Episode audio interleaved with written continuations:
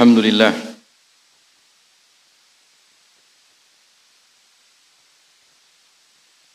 الحمد لله رب العالمين.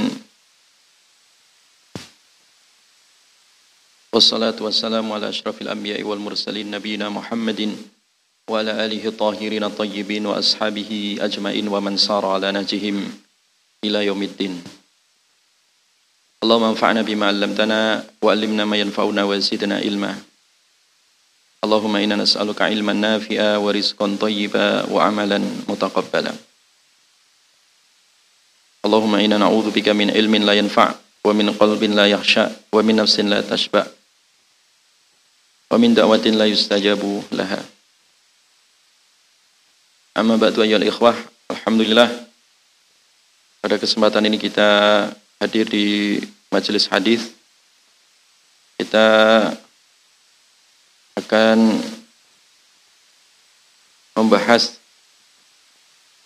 kitab hadis yang paling sahih yaitu kitabnya Imam Bukhari. Kitab yang paling sahih setelah Al-Quran. Bagaimana disepakati oleh para ulama.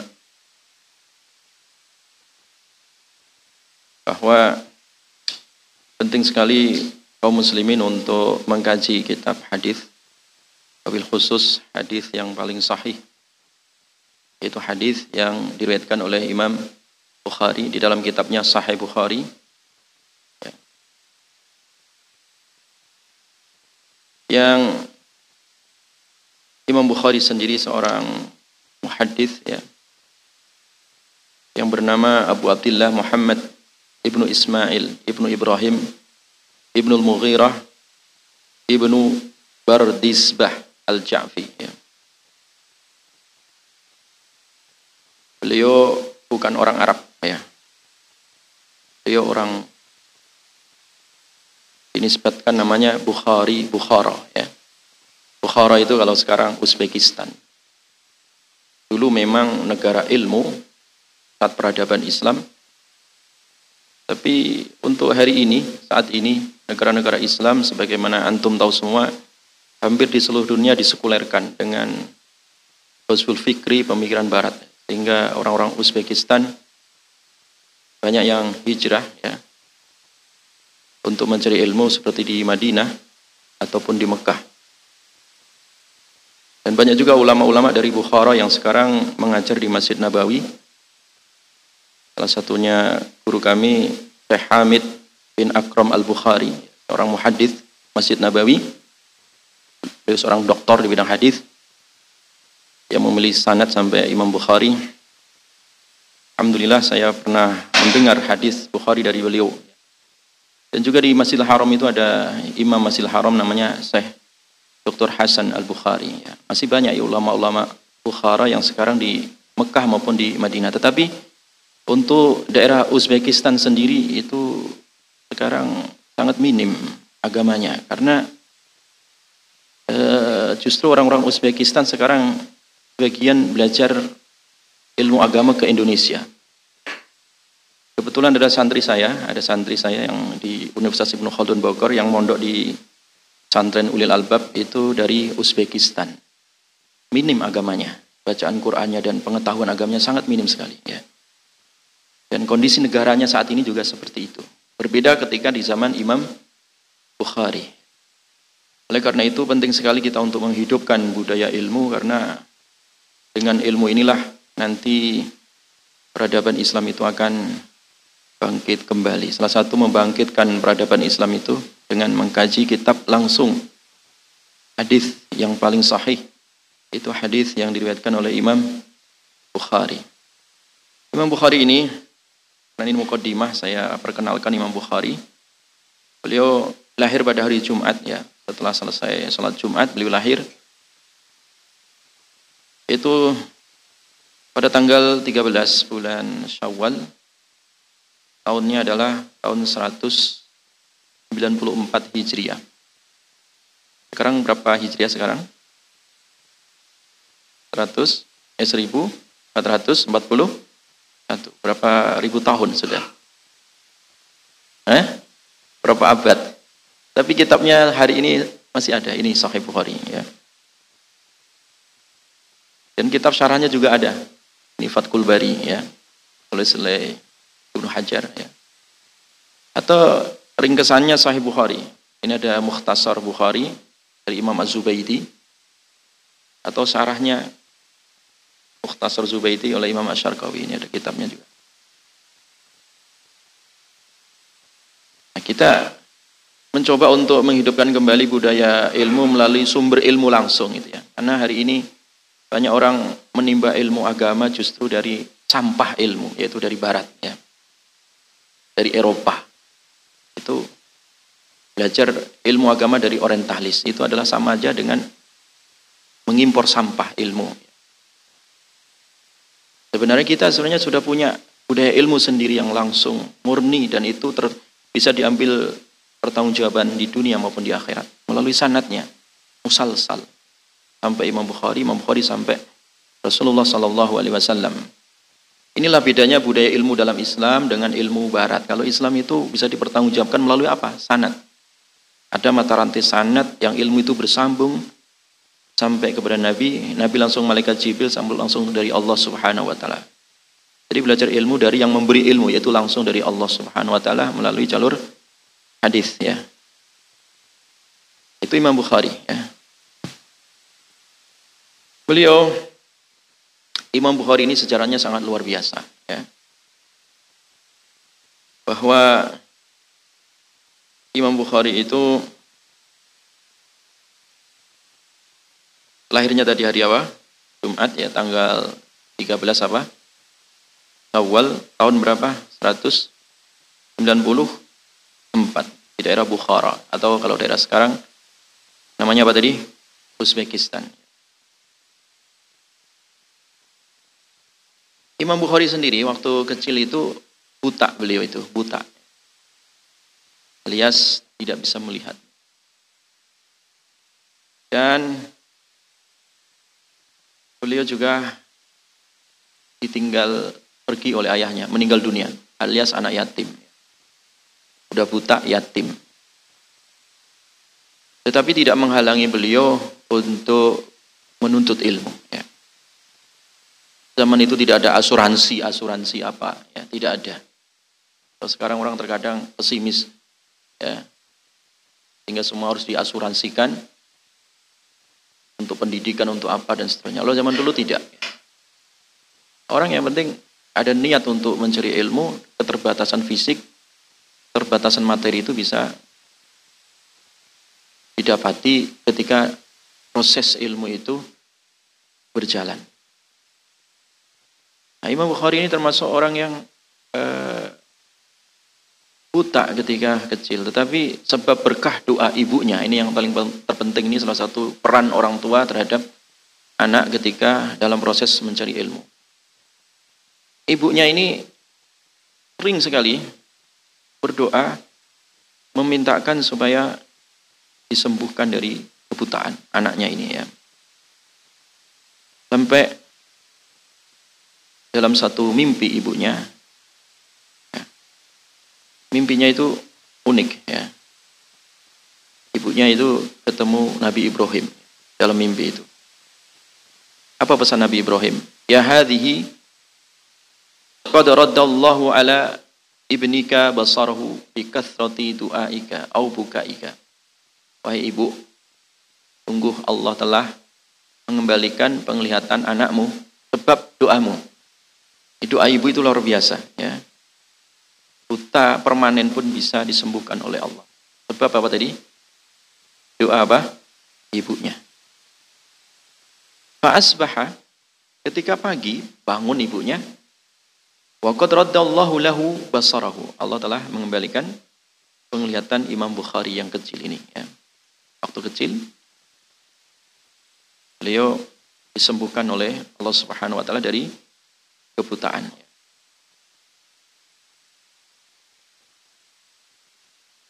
Nah Imam Bukhari ini, bagaimana para ulama-ulama dulu ketika belajar, memulai belajar itu dari kutab ya. Kutab itu biasa pendidikan masjid ya. Kutab itu biasa untuk pendidikan untuk anak-anak. Jadi itu memang tradisi ulama belajarnya di kutab. menghafal Quran, menghafal hadis ya. Nah, ada keistimewaan di Imam Bukhari ini. Uh, Ulhimtu hifdzal hadis wa ana fil kutab. Aku ini sejak kecil sudah dibiasakan dimudahkan oleh Allah untuk menghafal hadis. Waktu itu saya masih di belajar di kutab.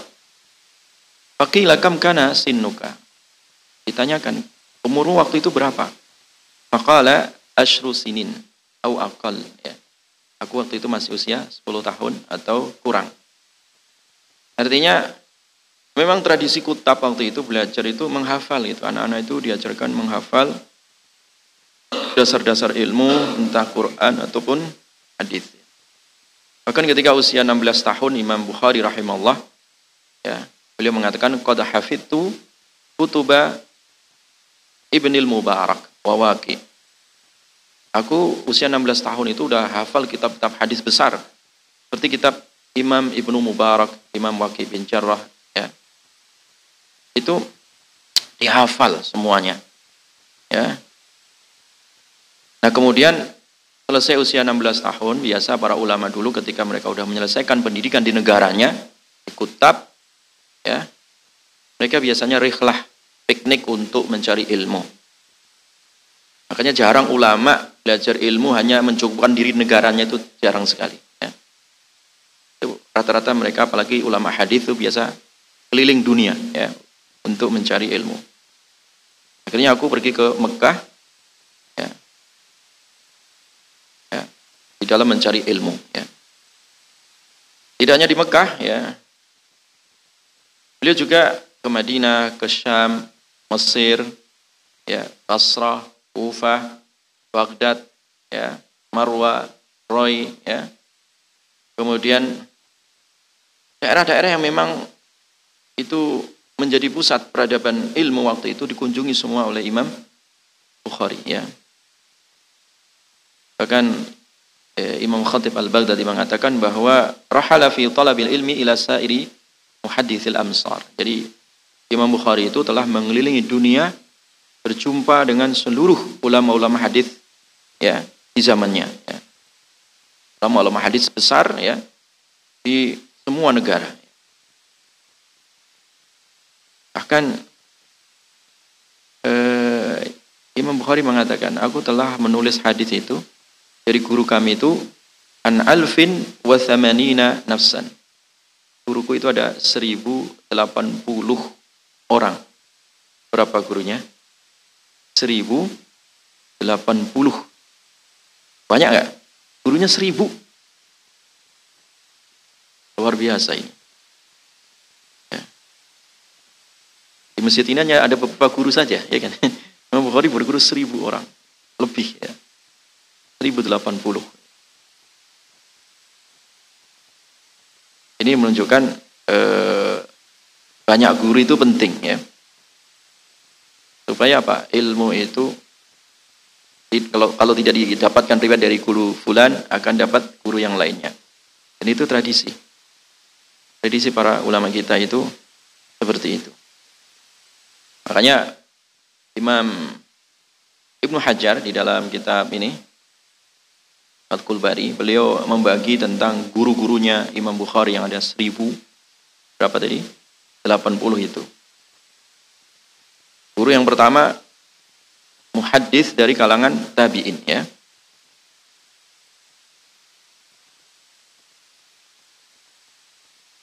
Ada juga guru Imam Bukhari ya. Dari kalangan tabi'in atau orang yang sezaman dengan eh, tabiin. Jadi tabiin itu orang yang ketemu sahabat. Atau orang yang sezaman dengan eh, para tabiin. Ada juga guru Imam Bukhari itu ya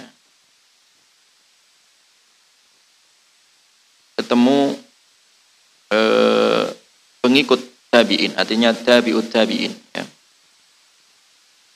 Ada juga guru Imam Bukhari itu dari teman ya Artinya kalau bahasa sekarang teman satu angkatan gitu ya. teman di dalam mencari hadis atau di majelis ilmu. Ya. E, seperti Muhammad bin Yahya, ya. atau Abdun bin Humaid, atau Abi Hatim Ar-Razi, ya. itu salah satu teman Imam Bukhari. Ya.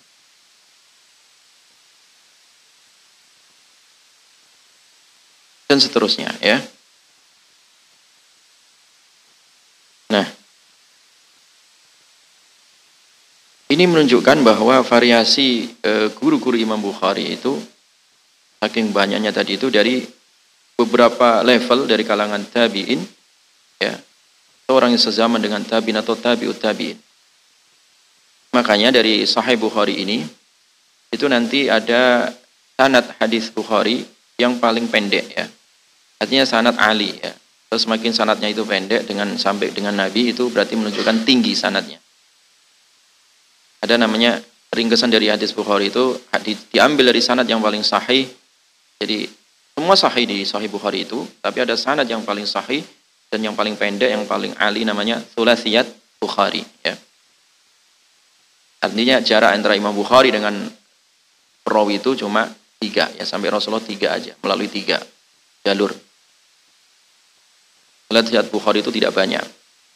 E, untuk kajian Salasiat Bukhari sudah saya khatamkan ya, sudah saya sampaikan sebelum ini itu bisa dilihat di YouTube juga sudah ada ya kajian saya di Salasiat e, Bukhari.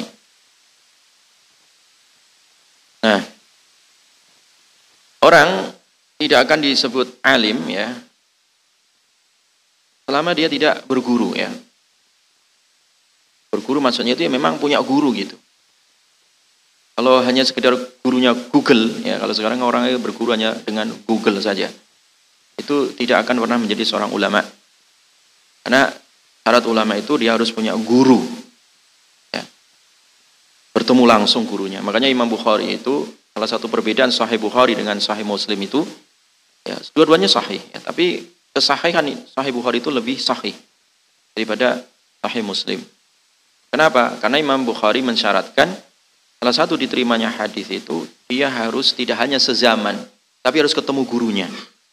Ya, tidak cukup sezaman, tapi harus ketemu langsung dengan apa? Gurunya. Itulah kehati-hatian Imam Bukhari di dalam eh, Sahih Bukhari ini ya. Karena eh, ada satu ucapan ya dari para ulama itu la yakunu ar-rajul aliman hatta yuhaddits amman huwa fawqahu wa amman huwa mithlahu wa amman huwa dunahu. Jadi orang itu tidak akan disebut sebagai seorang ulama alim sampai dia memang pernah mendapatkan hadis atau riwayat dari orang yang di atasnya. Dia punya guru yang lebih levelnya lebih tinggi. Dan dia juga punya guru yang level atau semisal. Atau dia juga mendengar orang yang terkadang di bawahnya ya. Jadi di atas dia punya guru, level teman dia punya atau yang di bawahnya untuk istifadah. Jadi semua masa, semua level dia telah lalui sebagai seorang ulama. Dan Imam Bukhari itu semuanya telah melalui itu, baik yang dari atas beliau atau level atau yang di bawah beliau. Ini sebagaimana yang dijelaskan oleh Imam uh, Ibnu Hajar. Ya. Nah, kemudian Imam Bukhari ini kepakaran di dalam hadis itu tidak ada ulama satupun yang meragukan. Jadi kalau ada orang kok meragukan Imam Bukhari, itu orang tersebut perlu diragukan. Ya. Jadi kalau orang kok masih meragukan Sahih Bukhari itu orangnya yang harus diragukan, orang yang mengatakan meragukan Sahih Bukhari, dianya sendiri yang harus diragukan karena ulama sudah sepakat dan bisa menerima dari hadis-hadis daripada Sahih Bukhari ini ya. Jemaah sekalian dirahmati oleh Allah Subhanahu wa taala.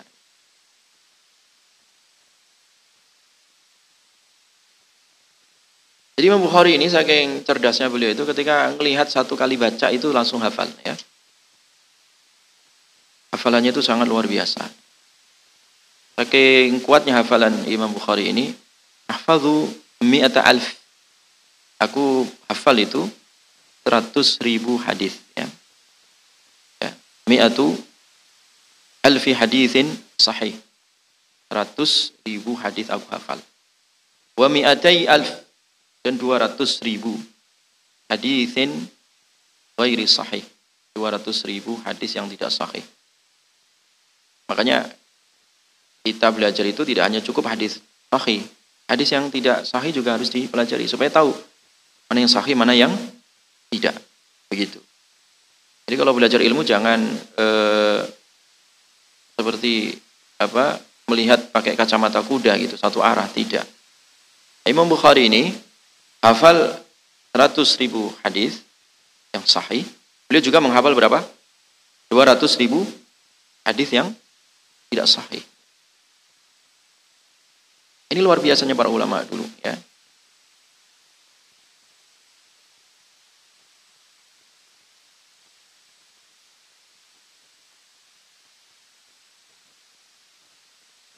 Nah, dulu kebiasaan para ulama itu diuji ya. Diuji. Ketika Imam Bukhari rahimahullah beliau berada di Baghdad.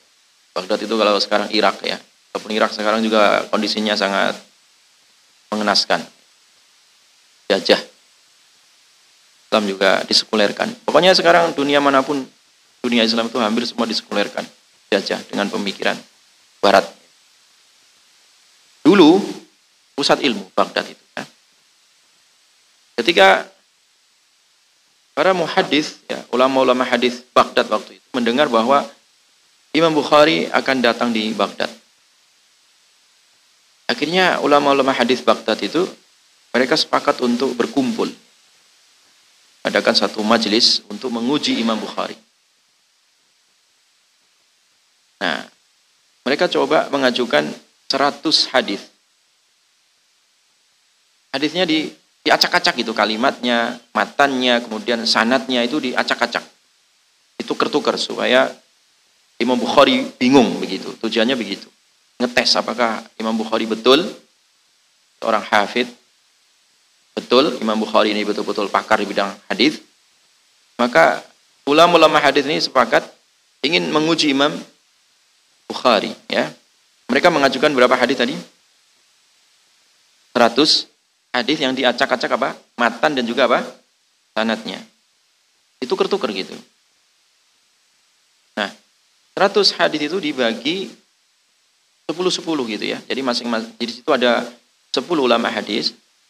Masing-masing dikasih tugas kamu 10 hadis, acak-acak kamu 10 hadis, acak-acak sanad dan matanya. Masing-masing 10. Jadi 10 orang berarti satu hadis kan?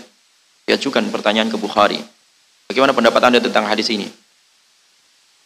Bagaimana pendapat Anda hadis ini? Sampai 100. Karena diacak-acak hadis dan matanya, Imam Bukhari mengatakan la.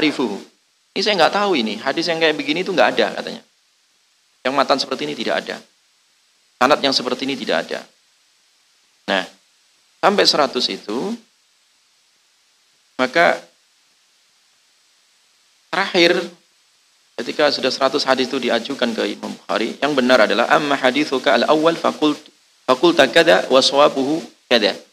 Kamu hadisnya yang kamu acak-acak tadi, matan dan sanatnya, e, bunyinya begini, harusnya begini. Sanatnya seperti ini, matannya seperti ini. Sampai 100 dibetulkan oleh Imam Bukhari. Ya, itu hebat nggak ulama yang seperti itu? Ya, luar biasa.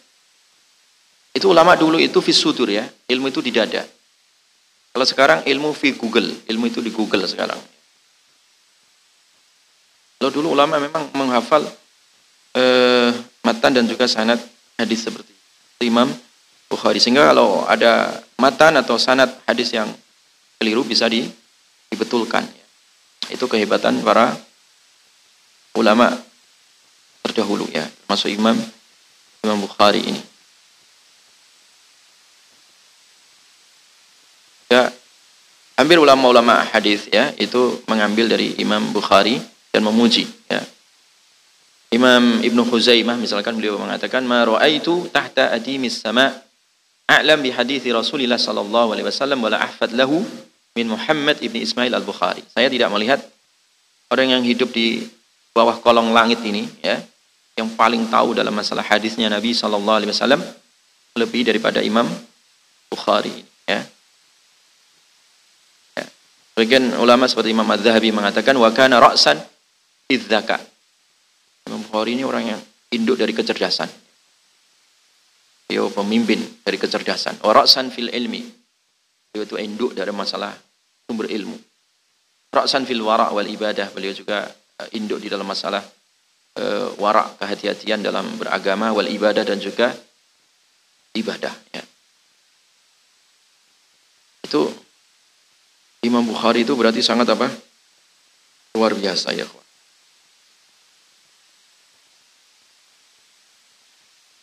Jelas ya?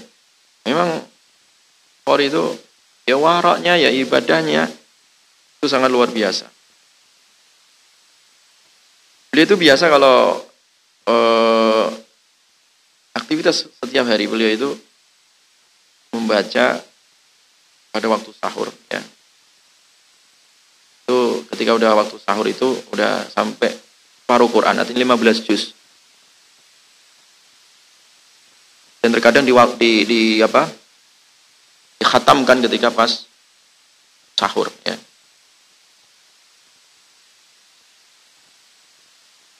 Jadi itu kebiasaan siapa Imam Imam Bukhari.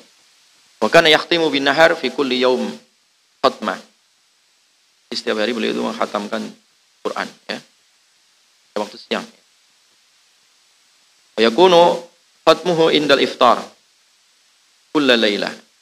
Itu biasanya menghatamkannya tadi itu ketika uh, iftar ya. Waktu berbuka ya. Wa kana yusalli fi waqti sahur salah asyara rakaah wa yutiru minha bi wahidah. Biasa kalau pas e, sepertiga terakhir waktu sahur beliau e, salat tahajudnya sampai 13 rakaat. Dan seperti itu ya kebiasaan Imam Imam Bukhari. Bahkan ketika e, beliau menulis setiap hadis itu beliau tidak lupa untuk sholat dua rakaat. Beliau tidak mau meletakkan hadis palsu atau hadis doif dan beliau istikharah minta kepada Allah tunjuk sebelum meletakkan hadis di kitab beliau itu. Itu luar biasa ya Imam Bukhari itu uh, dia warak dan ibadahnya sangat luar biasa. Beliau tidak uh, mudah menjarah ya.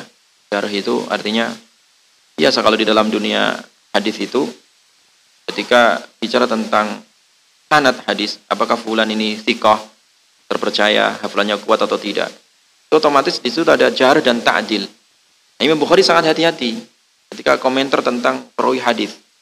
Kenapa? Arju an alqallah wa la yuhasibni anni agtabtu ahadan. Nah itu khawatir aku. Aku khawatir nanti ketika aku jumpa dengan Allah, kemudian aku tertahan hisap gara-gara ghibah ya. Gara-gara ghibah eh, terhadap terhadap orang lain. Jamaah sekalian jadi dirahmati oleh Allah Subhanahu wa taala ya. Itu keistimewaan siapa? Imam Imam Bukhari ya. Sehingga para ulama itu hampir semua sepakat ya.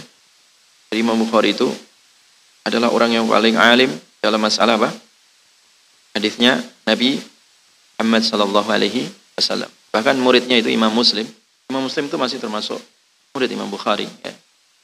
E, beliau itu saking hormatnya kepada Imam Bukhari. Ta'ni akbilu rijlaika ya Ustad, Ustadin. Biarkan aku, kalau engkau izinkan, aku akan mencium kedua kakimu. Saking takzimnya kepada siapa? Imam Bukhari. Itu adalah ustadznya para ustadz. Sayyidul Muhaddithin. Ya. Penghulunya para ahli hadis. Ya Otobibul hadis fi ilalihi dan engkau adalah dokter hadis ya artinya orang yang paham penyakit hadis ini sahih atau tidak ya itu pakarnya siapa Imam Imam Bukhari jadi memang Bukhari itu ya. Tidak ada duanya gitu ya. Tidak ada duanya dalam masalah apa? Eh, hadis ya.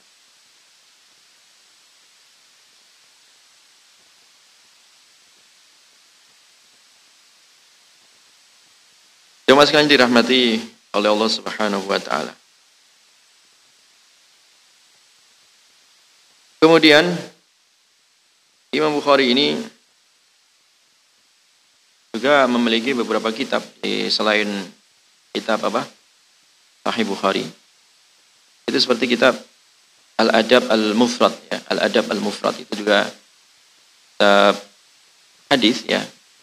Wabil khusus itu berkaitan tentang akhlak ya. Berkaitan tentang akhlak. Kitab Adabul Mufrad. Kemudian kitab juga Raf'ul Yadaini fi Salah.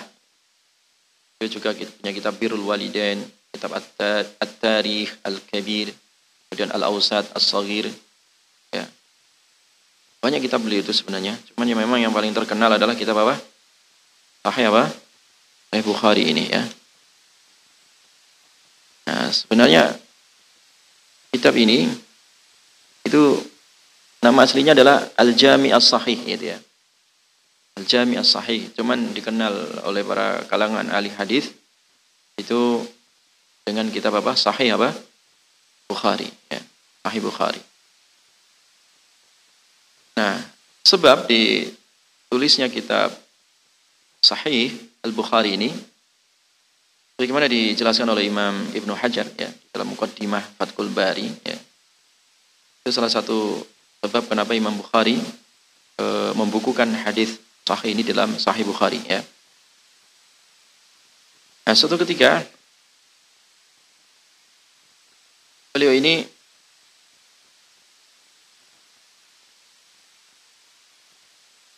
mendengar ya dari gurunya yaitu Ibnu Imam Ibnu Rohawai itu Imam Ishaq Ibnu Rohawai itu salah satu guru Imam Bukhari Ketika di sela-sela beliau belajar hadis, sang guru ini memberikan harapan. Lau jama'tum kitaban mukhtasaran di sahihi sunnati Rasulullah sallallahu alaihi wasallam. Kalau seandainya engkau mau ya, tolong dikumpulkan satu kitab ringkas yang paling sahih dari sunnahnya Rasulullah sallallahu alaihi wasallam. Kata Imam Bukhari, "Fawaqa'a dzalika fi qalbi." Nah, ternyata itu membekas perkataan guruku tadi Ishaq bin Rohaweh tadi itu membekas sekali di, di dadaku ya. Hatiku itu membekas sekali. Fakhadtu fi jam'is sahih. Akhirnya aku mengumpulkan tadi itu eh, sahih hadis yang paling sahih al-jami as-sahih tadi itu dalam satu kitab dikenal dengan sahih apa? Sahih Bukhari ya. Sahih Bukhari.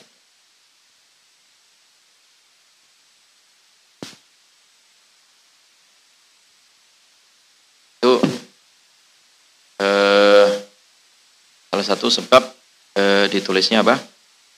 Kitab apa? Sahih apa? Bukhari.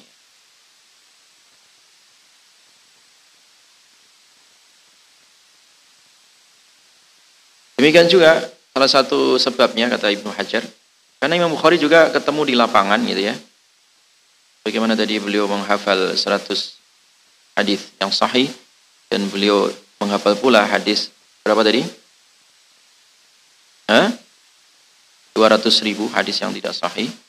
Ketika melihat fenomena itu, maka beliau bertekad ingin meletakkan sebuah fondasi dasar di dalam uh, hadis sahih tadi Sehingga beliau kumpulkan supaya yang sampai ke masyarakat itu memang betul-betul apa?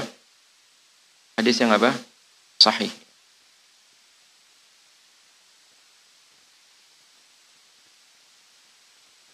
Di dalam riwayat yang lain juga dikatakan oleh Ibnu Hajar bahwa Imam Bukhari ini mimpi juga ketemu dengan Nabi Shallallahu Alaihi Wasallam. Nabi memberikan suatu isyarat ya bahwa Nabi itu melumatkan sesuatu di antara kedua tangan Nabi di hadapan Imam Bukhari. Ya. Kemudian Imam Bukhari bertanya kepada para ulama bahwa anta tadhubbu anhu al-kadhib. Kamu diberikan isyarat oleh Nabi supaya kamu melumatkan kebohongan yang di atas namakan kepada Nabi. Artinya kamu harus menjadi pembela Nabi untuk membawa hadis sahih. Sehingga hadis-hadis yang palsu tadi, hadis yang bohong atas nama Nabi itu lenyap, lumat. Sebagaimana isyarat dari Nabi Shallallahu Alaihi Wasallam. Itu Imam Bukhari itu seperti itu ya, ikhwah. Bagaimana uh, beliau ini semangatnya untuk apa tadi? Mengemban, mengemban apa? Amanah berupa apa? Hadis Nabi Sallallahu Alaihi Wasallam. Memang ini amanah dari Nabi Sallallahu Alaihi Wasallam supaya betul-betul apa? Sampaikan kepada siapa? Umatnya. Pada umatnya.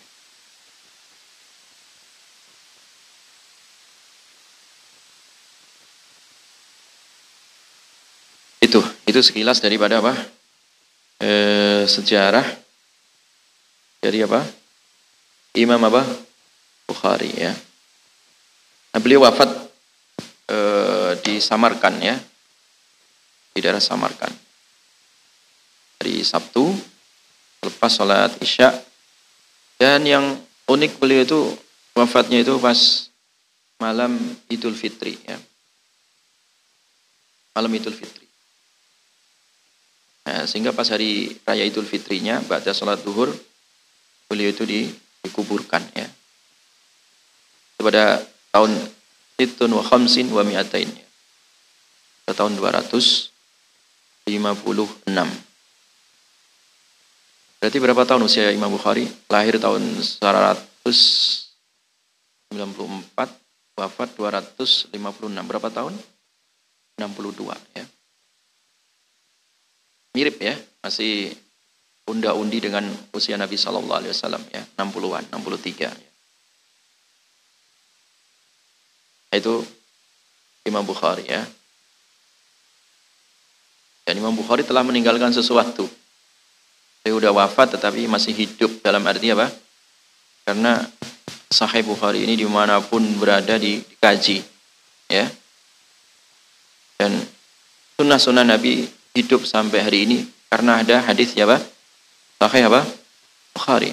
Bayangkan kalau nggak ada Sahih Bukhari itu orang nggak kenal Nabi, orang nggak kenal sholat, orang nggak kenal bagaimana sunnah-sunnah Nabi Shallallahu Alaihi Wasallam. Dan ini adalah peninggalan yang terbaik, ya dan setiap orang yang bakal mati ya. Dan peninggalan yang terbaik itu ya amal jariah ini. Kalau orang nggak punya harta untuk diwakafkan, minimal dia punya anak saleh yang mendoakan. Kalau nggak punya anak saleh, nggak punya harta, ya minimal punya ilmu yang bermanfaat yang bisa ditinggalkan. Karena amal jariah itu tidak lepas dari tiga tadi wakaf atau doa anak saleh atau ilmu yang apa bermanfaat ini ya ilmu yang apa bermanfaat Jemaah sekalian dirahmati oleh Allah Subhanahu wa taala ya.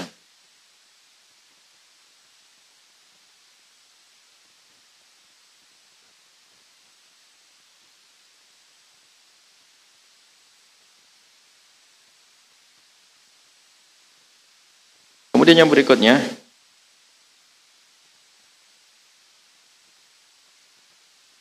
eh, saya belajar Sahih Bukhari ini karena ketika mengajar uh, Sahih Bukhari dia harus punya guru juga ya. Makanya saya sebutkan beberapa guru saya ketika belajar Sahih Bukhari ini salah satunya adalah Syekh Dr. Hamid ya, bin Akram Al-Bukhari ya, salah seorang hadis dari Masjid Nabawi.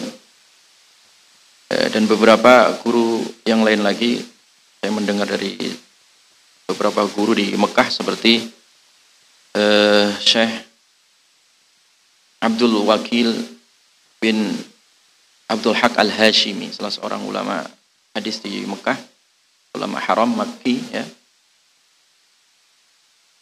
Dalam uh, Sahih Bukhari ada juga uh, Syekh Abdul Qayyum As-Sindi, salah seorang ulama di Umul Qura Mekah ya. Dan alhamdulillah saya belajar di Mekah itu tahun 2012 pernah, kemudian balik lagi tahun 2014 ya. Tahun 2012 saya belajar di Umul Qura belajar tentang apa sebagai dosen bahasa bahasa Arab. Dan 2014 belajar di Profito Alam Islami. Itu ma'at a'immah wa du'at ya.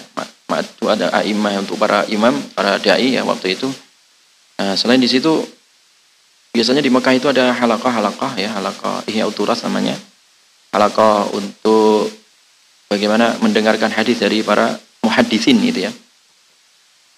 Dan mereka biasa membacakan hadis Bukhari, ada yang Sahih Muslim, Mustadrak Imam, Hakim ya, kemudian Sunan Abi Dawud ya, kemudian Tirmidzi dan pokoknya kutub-kutub tis'ah itu dibacakan. Ada halakahnya gitu, ada semacam komunitasnya. Alhamdulillah saya ikut gabung di komunitas Ihya Uturas waktu itu ya, yang ada di Mekah. Jadi langsung mendengar dari para masyayikh yang memang punya sanad salah satunya sanad yang sampai ke Imam Bukhari. Saya kira itu ya beberapa mukadimah kan udah isya ya. Isya. Udah. 17 menit lagi. Masuk. Berarti hari ini kita baru apa tadi? Mukaddimah. Belum masuk hadisnya ya.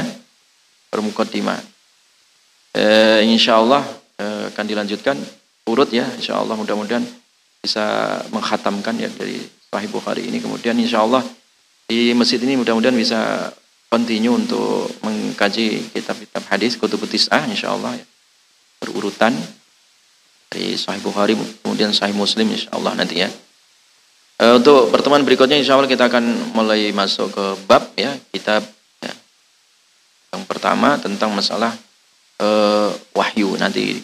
Bagaimana bagaimana wahyu itu sampai kepada Nabi Shallallahu Alaihi Wasallam. Dan bagaimana konsep wahyu itu penting sekali. Karena sekarang ini uh, umat Islam itu karena dijauhkan dari konsep wahyu tidak kenal wahyu ya, sehingga ada gerakan desakralisasi wahyu orang menganggap bahwa ilmu itu relatif sehingga orang itu diragu-ragukan dari ajaran Islamnya sendiri termasuk diragu-ragukan tentang masalah hadis ini. Oleh orang orang orientalis mereka kemudian membuat konsep bagaimana sih memurtadkan umat Islam dari dari sumber Islamnya sendiri. Orientalis apakah mereka belajar hadis? Iya. Belajar hadis. Kalau orang kafir saja belajar hadis, nah, kenapa kalian nggak mau belajar hadis gitu ya? Bahkan orang orientalis yang bernama Wensik, beliau menulis kamus hadis, kutubut tis'ah itu dalam sebuah kamus namanya uh, Al-Mu'jam Al-Mufahras di Al-Fadil Hadis. Dan itu juga akhirnya manfaat juga bagi kita untuk menemukan, mengecek hadis ini letaknya di Sahih Bukhari atau kamus Muslim, itu ada kamusnya. Itu yang ngarang siapa? Wensik dan kawan-kawan. Orang kafir itu. Belajar hadis tujuannya untuk apa? Ngacak-ngacak hadis tadi itu. Kenapa kita sebagai seorang ya, muslim yang ngaku umat Nabi Muhammad gak kenal hadis? Nah ini yang masalah. Makanya kita mulai ngaji dengan kitab gitu ya. Soalnya dengar ceramah itu hilang ya, lewat kuping kanan ya hilang kuping kiri ya. Makanya nanti mudah-mudahan ini nanti ada yang mau beli kitabnya sendiri atau nanti mudah-mudahan kita bisa mendapatkan e, dana wakaf untuk membeli apa? Sahih Bukhari lumayan tebel ini harganya berapa ini? Kalau saya dapat gratis, kebetulan itu ya masalahnya. Jadi kalau di Saudi Pak, kuliah di Saudi itu ada yang bayar itu. Kalau kita ini semuanya bayar itu. Kalau kitab-kitab kayak gini dikasih Pak. Nah, saya dapat uh, Fathul Bari juga gratis. Muhtasar Bukhari juga gratis Pak. Dan cetakannya leks itu. Beda dengan cetakan Indonesia. Udah nggak gratis, cetakannya jelek lagi itu ya. Itu bedanya Pak. Waktu saya belajar di Robito Alam Islami itu, eh, saya mendapat musnad Imam Ahmad jadi setiap mahasiswa itu, setiap santri dikasih Musnad Imam Ahmad. 60 jilid Pak. Itu kudus gede. Kalau dikirim pakai kargo itu, ngirimnya lebih mahal daripada harga kitabnya gitu. Akhirnya nggak saya ambil gitu. Kalau ngirimnya lebih mahal daripada apa tadi kitabnya, mending beli kitab di sini aja gitu ya. Pertimbangannya itu.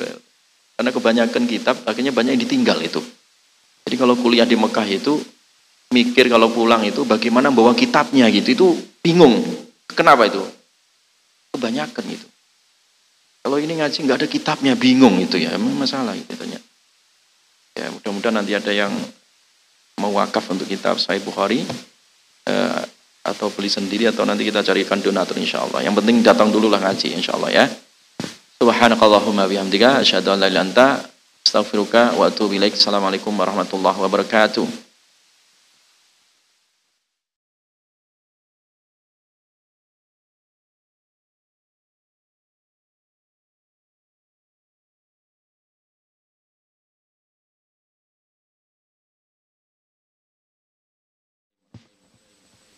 Assalamualaikum warahmatullahi wabarakatuh.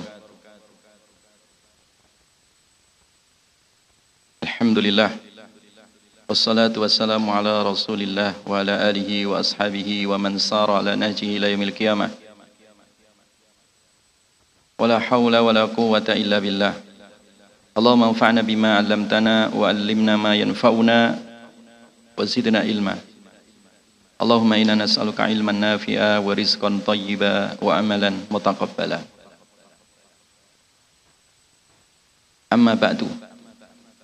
Jamaah kaum muslimin muslimat yang dirahmati oleh Allah, alhamdulillah pada kesempatan ini kita hadir di majelis ilmu yang insyaallah kita akan mengkaji tentang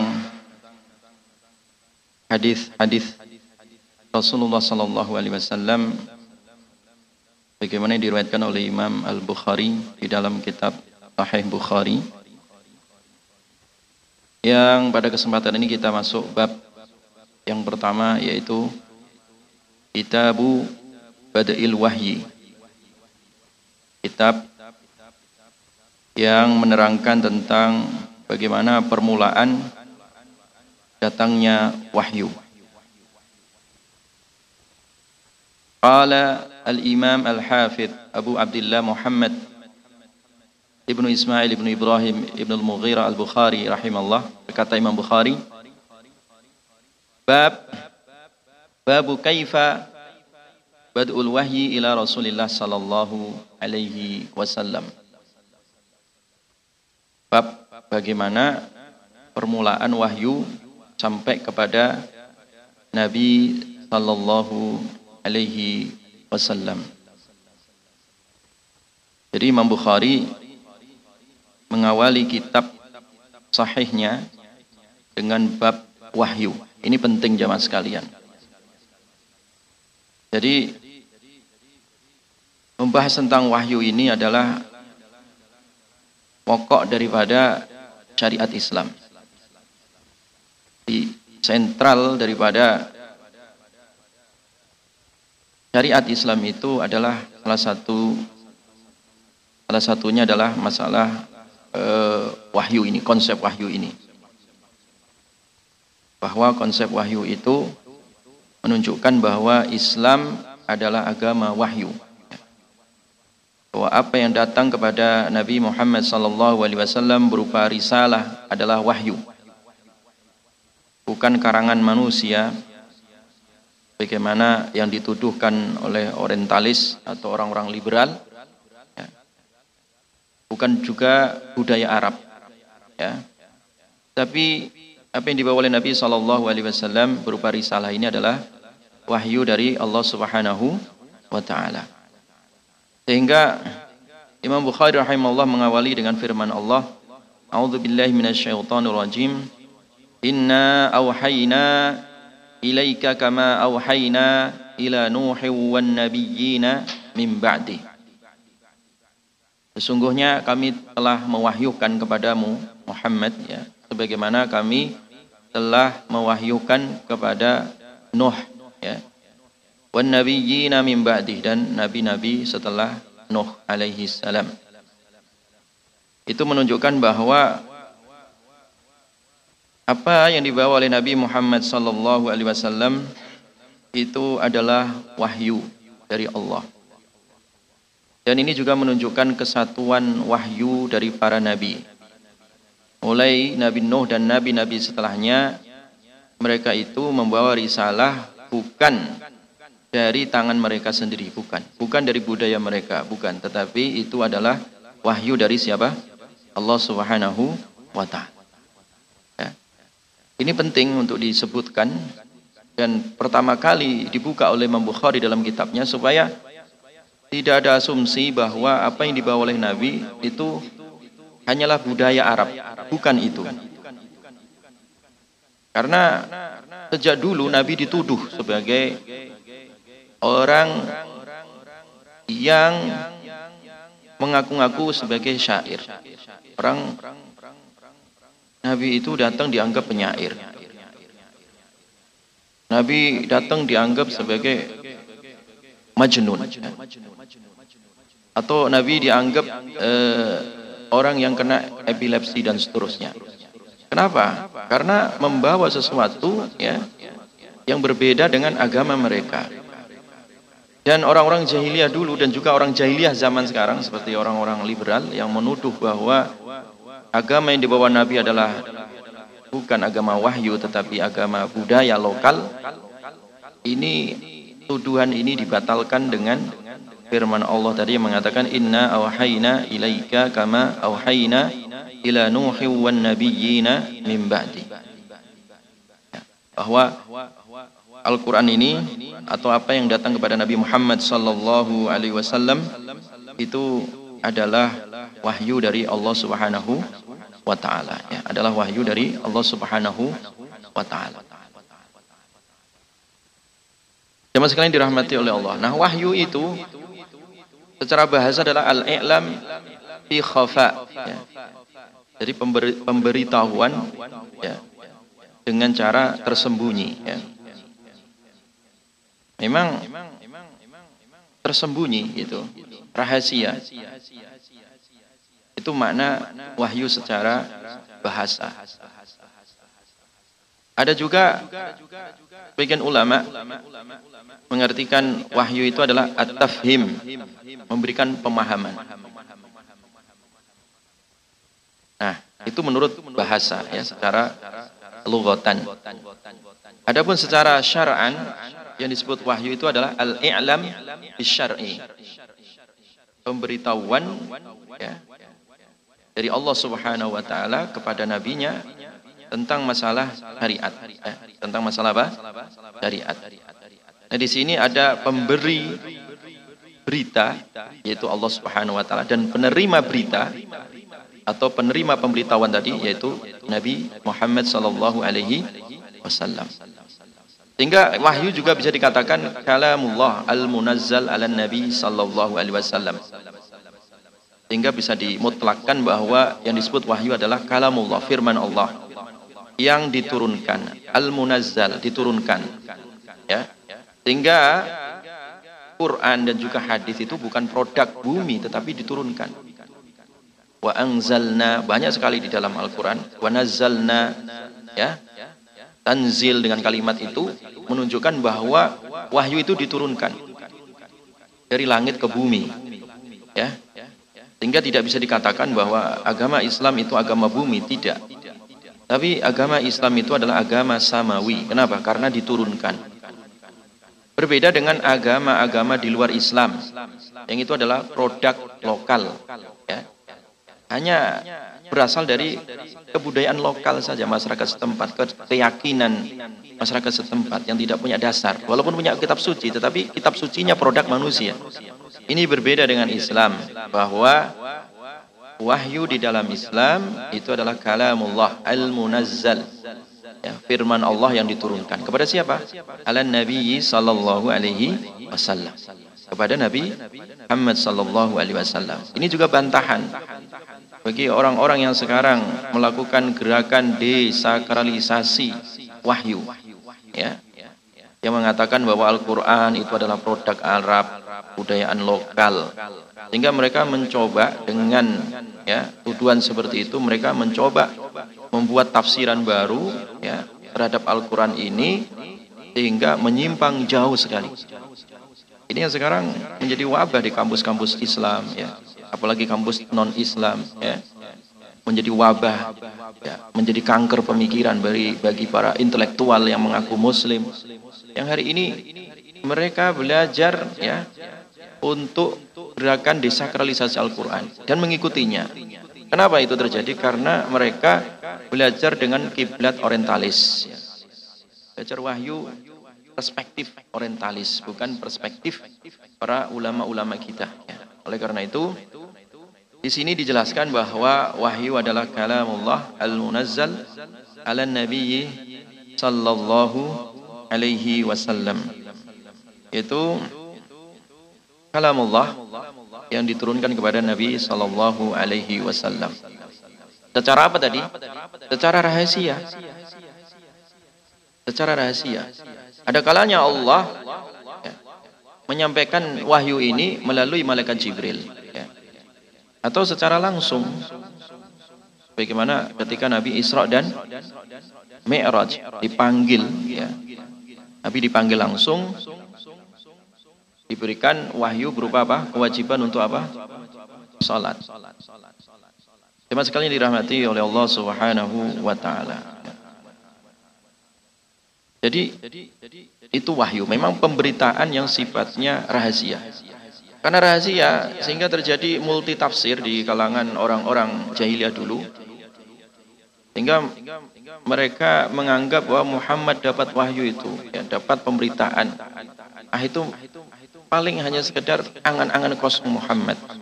Itu hanya sekedar Muhammad terkena junun, ya. Muhammad sebagai penyair dan seterusnya. Mereka tidak percaya itu. Mereka tidak percaya. Sebagaimana mungkin kalau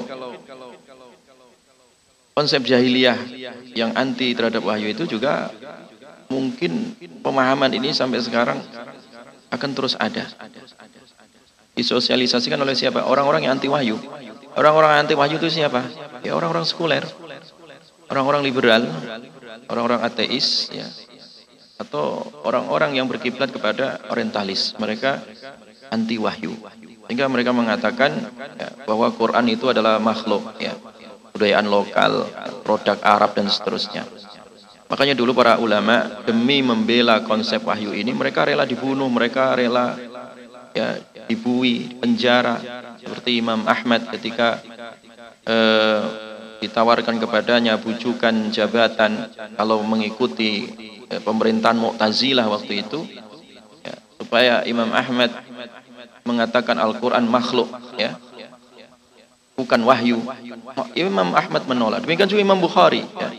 satu Imam Bukhari terkena fitnah itu gara-gara munculnya peristiwa waktu itu ya disodorkan kepada masyarakat ya, fenomena yang muncul di tengah-tengah masyarakat dengan bahaya paham Mu'tazilah yang mengatakan Al-Quran adalah makhluk. Makanya ditolak oleh Imam Bukhari.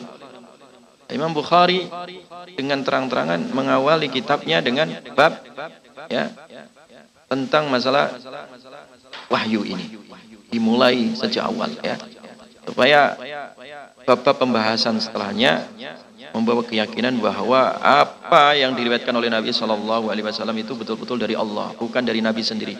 'anil hawa. Tapi kalau bicara itu bukan dari hawa nafsunya tetapi wahyu yang diwahyukan oleh Allah Subhanahu wa taala. Jelas ya? Ini yang dimaksud dengan uh, konsep apa? Wahyu ya. Konsep wahyu. Nah, nanti akan dijelaskan di dalam eh, bab-bab uh, setelahnya bagaimana sih permulaan wahyu itu sampai kepada baginda Nabi sallallahu alaihi wasallam. Ada kalanya dengan risalah dari malaikat, ada kalanya melalui mimpi, ada kalanya melalui ilham, ya. Jadi itu nanti akan dijelaskan secara detail ya, kronologi datangnya wahyu kepada Nabi Muhammad sallallahu alaihi wasallam. Jemaah sekalian dirahmati oleh Allah. Kemudian setelah Imam Bukhari rahimahullah menjelaskan tentang ayat tadi, Inna awhayna ilaika kama awhayna ila nuhi wan nabiyyina min ba'di dalam surat An-Nisa 163 itu. Dan Imam Bukhari rahimahullah mengawali hadis dengan hadis uh, Umar ya, hadis Umar. Di situ diriwayatkan حدثنا الحميدي عبد الله بن زبير قال حدثنا سفيان قال حدثنا يحيى بن سعيد الأنصاري قال أخبرني محمد بن إبراهيم التيمي أنه سمع القمة ابن وقاص الليثي يقول سمعت عمر ابن الخطاب رضي الله عنه Jadi hadis ini yang pertama Imam Bukhari membuka dengan hadis eh, niat ya. Walaupun babnya tentang bab wahyu tetapi Imam Bukhari membuka kitab ini dengan hadis tentang niat. Itu yang diriwayatkan dari Umar Ibnu Khattab radhiyallahu an. Alal mimbar. Ketika itu Umar berada di atas apa? Mimbar. Dari Umar dari Umar bin Khattab radhiyallahu anhu. Ketika di atas mimbar itu Umar mengatakan qala sami'tu Rasulullah sallallahu alaihi wasallam. Aku mendengar Rasulullah sallallahu alaihi wasallam. Beliau bersabda Innamal a'malu binniyat. Sesungguhnya hanyalah amal-amal itu tergantung apa? Niatnya. Jadi sesungguhnya amalan itu tergantung apa? Niat ya. Jadi ketergantungan amal terhadap niat. Nah, niat itu apa?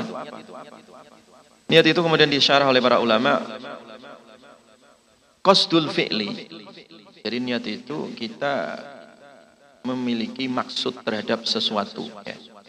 Kita ingin melakukan sesuatu. Itu namanya niat. Tapi yang dimaksud niat ini bukan sekedar niat tetapi ibtigha'a wajhillah karena karena Allah. Wamtithalan li amrihi dan karena untuk melaksanakan perintah Allah. Itu disebut apa? Niat. Nah, sebagian ulama juga mendefinisikan yang disebut niat itu apa?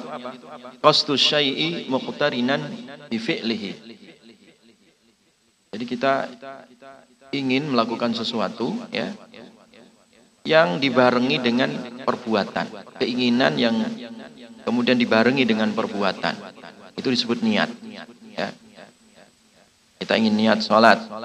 Kita di dalam hati kita terbesit bahwa saya mau sholat. Kemudian dibarengi dengan apa? Takbiratul ikhram. Ya. Dan seterusnya. Itu niat. Fa in anhu kana azman. Jadi kalau jarak antara ya, keinginan dengan perbuatannya itu terlalu jauh, itu disebut azm, ya, disebut azm. Itu bagian ulama membedakan antara niat dengan azm, ya. Niat dengan apa? Azm.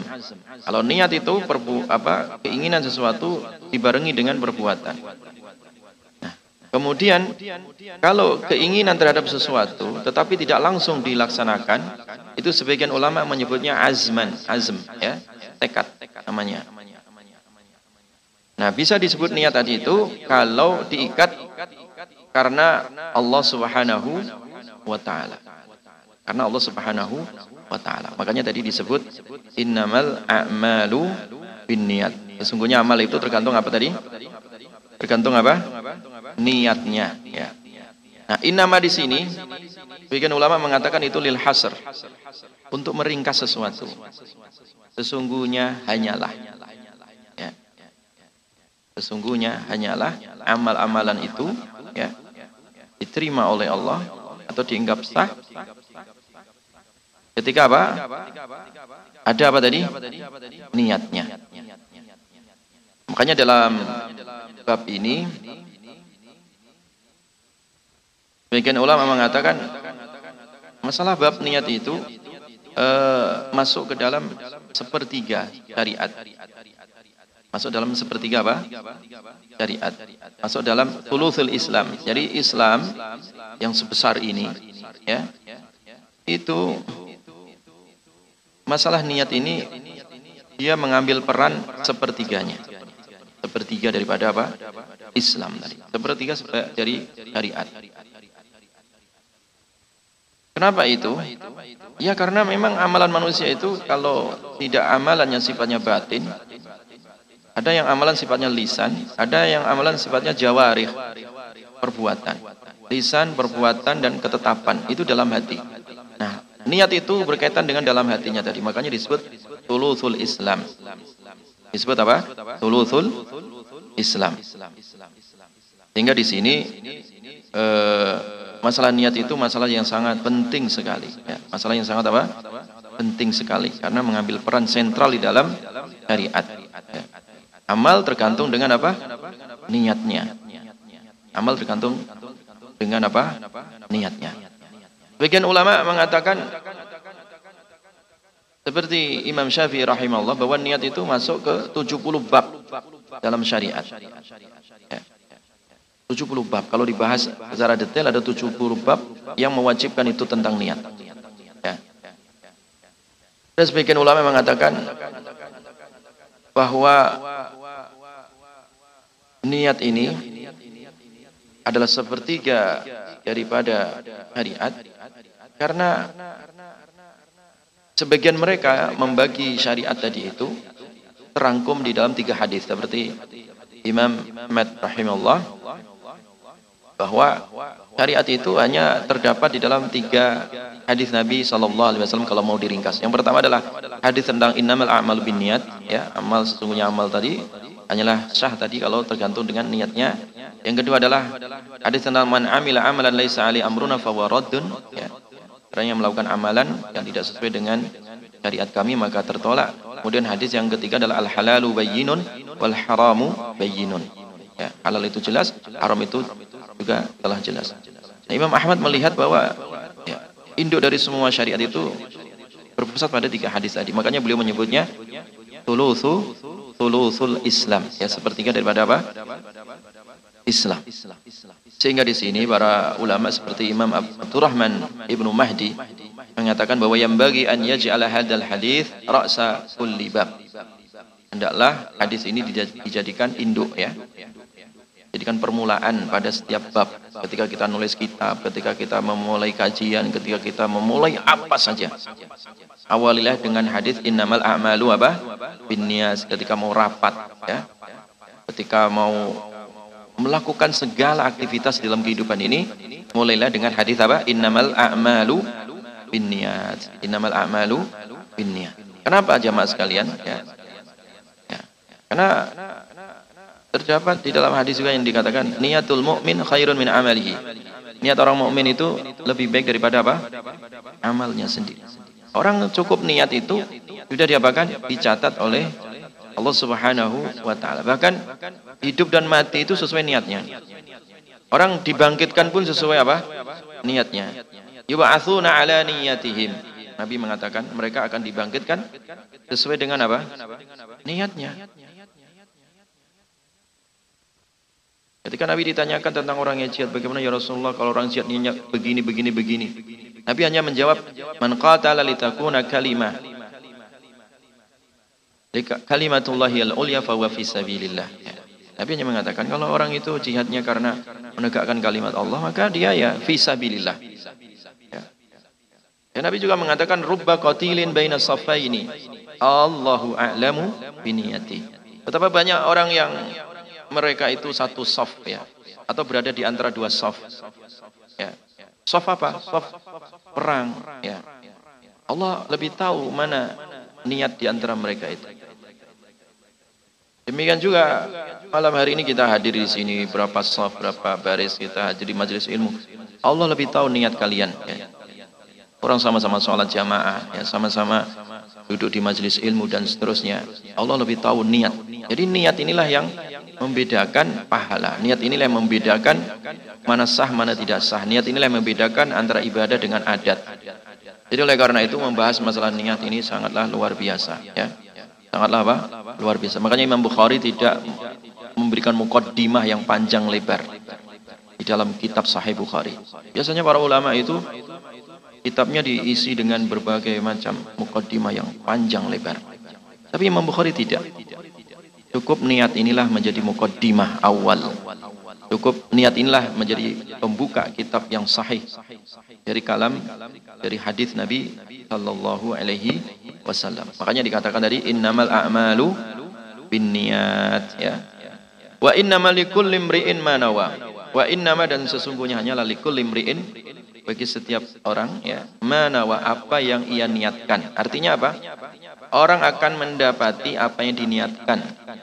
Makanya hadis ini jamaah sekalian, asbab asbabul wurud sebab uh, adanya hadis ini itu dulu ketika Nabi Shallallahu Alaihi Wasallam hendak hijrah ke Madinah ada satu kabar di tengah tengah masyarakat waktu itu ada orang yang hijrah karena wanita ceritanya ada orang yang sudah khidbah ya, ingin melamar wanita waktu itu kemudian ditolak karena wanitanya mensyaratkan harus ikut hijrah Nabi. Terdengarlah sebaran berita ini sampai ke telinga Nabi Shallallahu Alaihi Wasallam sehingga muncullah hadis ini. Ya. Wa innama likulli imri'in manawa. Manusia itu tergantung apa tadi? Apa yang diniatkan, ya. apa yang diniatkan. Faman kana hijratu ila dunya yusibuha au ila imra'atin yankihuha. Siapa saja yang hijrahnya untuk dunia yang dia mendapatinya atau kepada wanita yang kihuha yang dia ingin menikahinya. Fa hijratu ila ma hajara ilaih. Maka hijrahnya itu ya sesuai dengan apa? Yang ia hijrah kepadanya. Jadi kalau hijrahnya karena wanita dapat dia wanita tapi tidak mendapati Allah dan Rasulnya. Hanya mendapat apa? Dunia. Makanya dikenal orang yang hijrah karena wanita tadi disebut muhajir ummi qais. Muhajir ibnu ummi qais. Ya. Orang yang hijrah laki-laki yang hijrah karena ingin menikahi ummu qais tadi. Ummu qais. Maka dia disebut muhajir ummu qais. Muhajir ummi qais. Ya. Ya hanyalah orang yang hijrah niatnya untuk apa? Nikahi siapa? Wanita yang bernama siapa? Ummu Qais. Apakah bisa menikahi? Ya bisa lah. Apa pun jamaah sekalian, kalau kita punya niat, ya, dia akan tercapai bagaimanapun. Ya. Kalau niatnya wanita dapat dia wanita. Niatnya dunia dapat dia dunia. Ya. Dulu Bill Gates ya, yang penemu Microsoft itu, komputer itu, dia punya tekad bahwa mimpi besarnya Bill Gates itu orang terkaya di dunia itu. Mimpinya duniawi. Dia kepingin dengan Microsoft ini, dia ingin setiap rumah itu punya Microsoft, punya produknya dia. Sehingga punya uh, mimpi one home, one Microsoft. Ya, setiap rumah ada satu Microsoft. Dan sekarang tercapai. Siapa yang sekarang nggak punya komputer? Siapa yang rumahnya tidak sampai komputer? Tidak ada. Tapi niatnya duniawi. Makanya selalu saya selalu mengatakan kepada santri-santri saya, ya, kalau kalian melihat Bill Gates yang bekerja keras untuk dunia, mereka berhasil kok. Kenapa kalian sebagai umat Nabi Muhammad tidak punya niat keras, tidak punya tekad yang keras? One home, one hafid. Satu rumah, satu hafid. Saya selalu mengatakan seperti itu. Apakah bisa tercapai? Insya Allah tercapai kalau kita niatnya betul-betul karena Allah Subhanahu wa Ta'ala. Kita punya niat, Niat besar, mimpi yang besar. Mimpi bagi umat Islam bukan hanya sekedar mimpi yang bolong, tetapi mimpi yang dimaksud adalah niat yang ikhlas karena Allah Subhanahu wa taala. Ya, karena manusia tadi akan mendapati apa yang dia niatkan. Dan itu paten sudah. Wa innama likulli imri'in manawa. Dan hanyalah sesungguhnya setiap orang itu tergantung apa? Niatnya. Apa yang kalian niatkan itu pasti tercapai gitu. Pasti. Entah yang sifatnya apa tadi? Dunia atau apa? Akhirat. Nah, niat yang sifatnya dunia itu sepele ya, remeh, hina. Oleh karena itu, niat hanyalah mencari apa tadi? Ridho Allah Subhanahu wa taala. Jadi niatkan hidup kita ini untuk berjuang di jalan Allah Subhanahu wa taala. Makanya Umar bin Khattab itu beliau meniatkan hidupnya itu karena tiga perkara ya. Yang pertama, kalau bukan karena tiga perkara, aku untuk apa hidup kata Umar. Ya. Apa yang dia niatkan? Laula an adha jabhati sajidan lillah. Kalau bukan karena kening ini nempel di tanah sujud karena Allah, untuk apa saya hidup? Itu yang pertama. Yang kedua, kalau seandainya laula an asira fi sabilillah, kalau bukan karena aku berjalan di muka bumi ini menapaki jalan kecuali jalan Allah, untuk apa saya hidup? Hidup saya hanya untuk apa? Berjalan di atas jalan Allah. Yang ketiga, kalau bukan karena aku berkomunitas dengan orang-orang yang saleh, mereka berlomba-lomba di dalam kebaikan, ya, mendapatkan ridhonya Allah. Hanya itu. Ya. Itu yang saya niatkan di dalam hidup ini. Yang pertama sujud karena Allah, yang kedua karena apa tadi? Hmm? Berjalan di jalan Allah. Yang ketiga adalah apa? Berkomunitas dengan orang-orang yang apa? Yang saleh. Itu niat para sahabat itu sangat sangat luar biasa. Makanya disebut hijrah. Disebut apa? Mereka hijrah. Hijrah tergantung niatnya. Ya. Tinggal di sini hijrah itu maknanya atarku meninggalkan. Meninggalkan apa?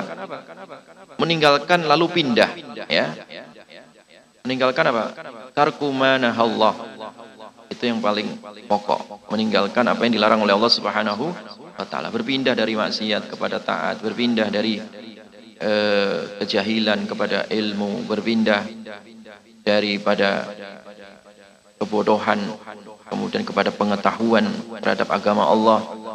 Ya. Berpindah kepada daripada apa kegelapan minaz zulumati ilan nur ya kepada cahaya. Itulah hakikat apa? Hijrah. Artinya kita meninggalkan sesuatu ya yang dilarang Allah menuju sesuatu yang diridhoi oleh siapa? Allah Subhanahu wa taala dan meninggalkan sesuatu karena Allah itu akan diganti oleh Allah mentaraka syai'an lillah awaddahu Allahu khairan minhu Orang yang meninggalkan sesuatu karena Allah, pasti dia akan diganti dengan sesuatu yang lebih baik menurut Allah. Orang misalkan biasa berkecimpung dengan maksiat, entah riba, entah komunitas-komunitas syahwat dan seterusnya, dia tinggalkan. Kan sayang itu komunitas sudah lama dibangun. Kan sayang itu banyak penghasilan di situ. Tinggalkan. Kan belum ada gambaran gantinya. Allah yang ngasih gambar nanti. Allah yang ngasih ganti yang kita tidak pernah apa? Tahu. Ya. Ini diganti yang lebih apa? Baik. Mantaroka syai'an lillah awadahullahu khairan min. Orang yang meninggalkan sesuatu karena Allah dia akan diberi sesuatu yang lebih baik menurut Allah Subhanahu wa taala. Jelas ya? Itu uh, bab masalah apa tadi? Niat. Jemaah sekalian dirahmati oleh Allah Subhanahu wa taala. Kemudian hadis yang kedua حدثنا عبد الله بن يوسف قال أخبرنا مالك عن هشام بن عروة عن أبيه عن عائشة أم المؤمنين رضي الله عنها أن الحارث ابن هشام رضي الله عنه سأل رسول الله صلى الله عليه وسلم فقال يا رسول الله كيف يأتيك الوحي Nabi ditanya, ya Rasulullah bagaimana datang kepadamu wahyu? Faqala Rasulullah sallallahu alaihi wasallam. Nabi sallallahu alaihi wasallam menjawab, ahyanan ya'tini mithla salsalatil jaras. Ahyanan terkadang yakti ini datang kepadaku, wahyu tadi itu, mithla seperti sol solatil jaros. Seperti bunyinya lonceng, gembrincingnya lonceng. Maksudnya itu, ketika datang wahyu itu, bunyi daripada sayap malaikat itu memberikan tanda. Seperti bunyinya lonceng. Wahuwa asyadduhu. Dan itu yang paling dahsyat. Ya. Itu yang paling apa? Dahsyat. Fayubsamu anni wa qad wa'aitu anhu maqala. Kemudian fayubsamu ayyakla'u wa yatajalla ma yaghshani. Jadi setelah disampaikan wahyu itu tadi kemudian fayubsamu ya atau fayabsimu fayubsamu kemudian Nabi ditinggal ya oleh malaikat meninggalkan aku wa qad wa'aitu tunggu aku telah menghafal anhu dari wahyu yang dibawa oleh siapa?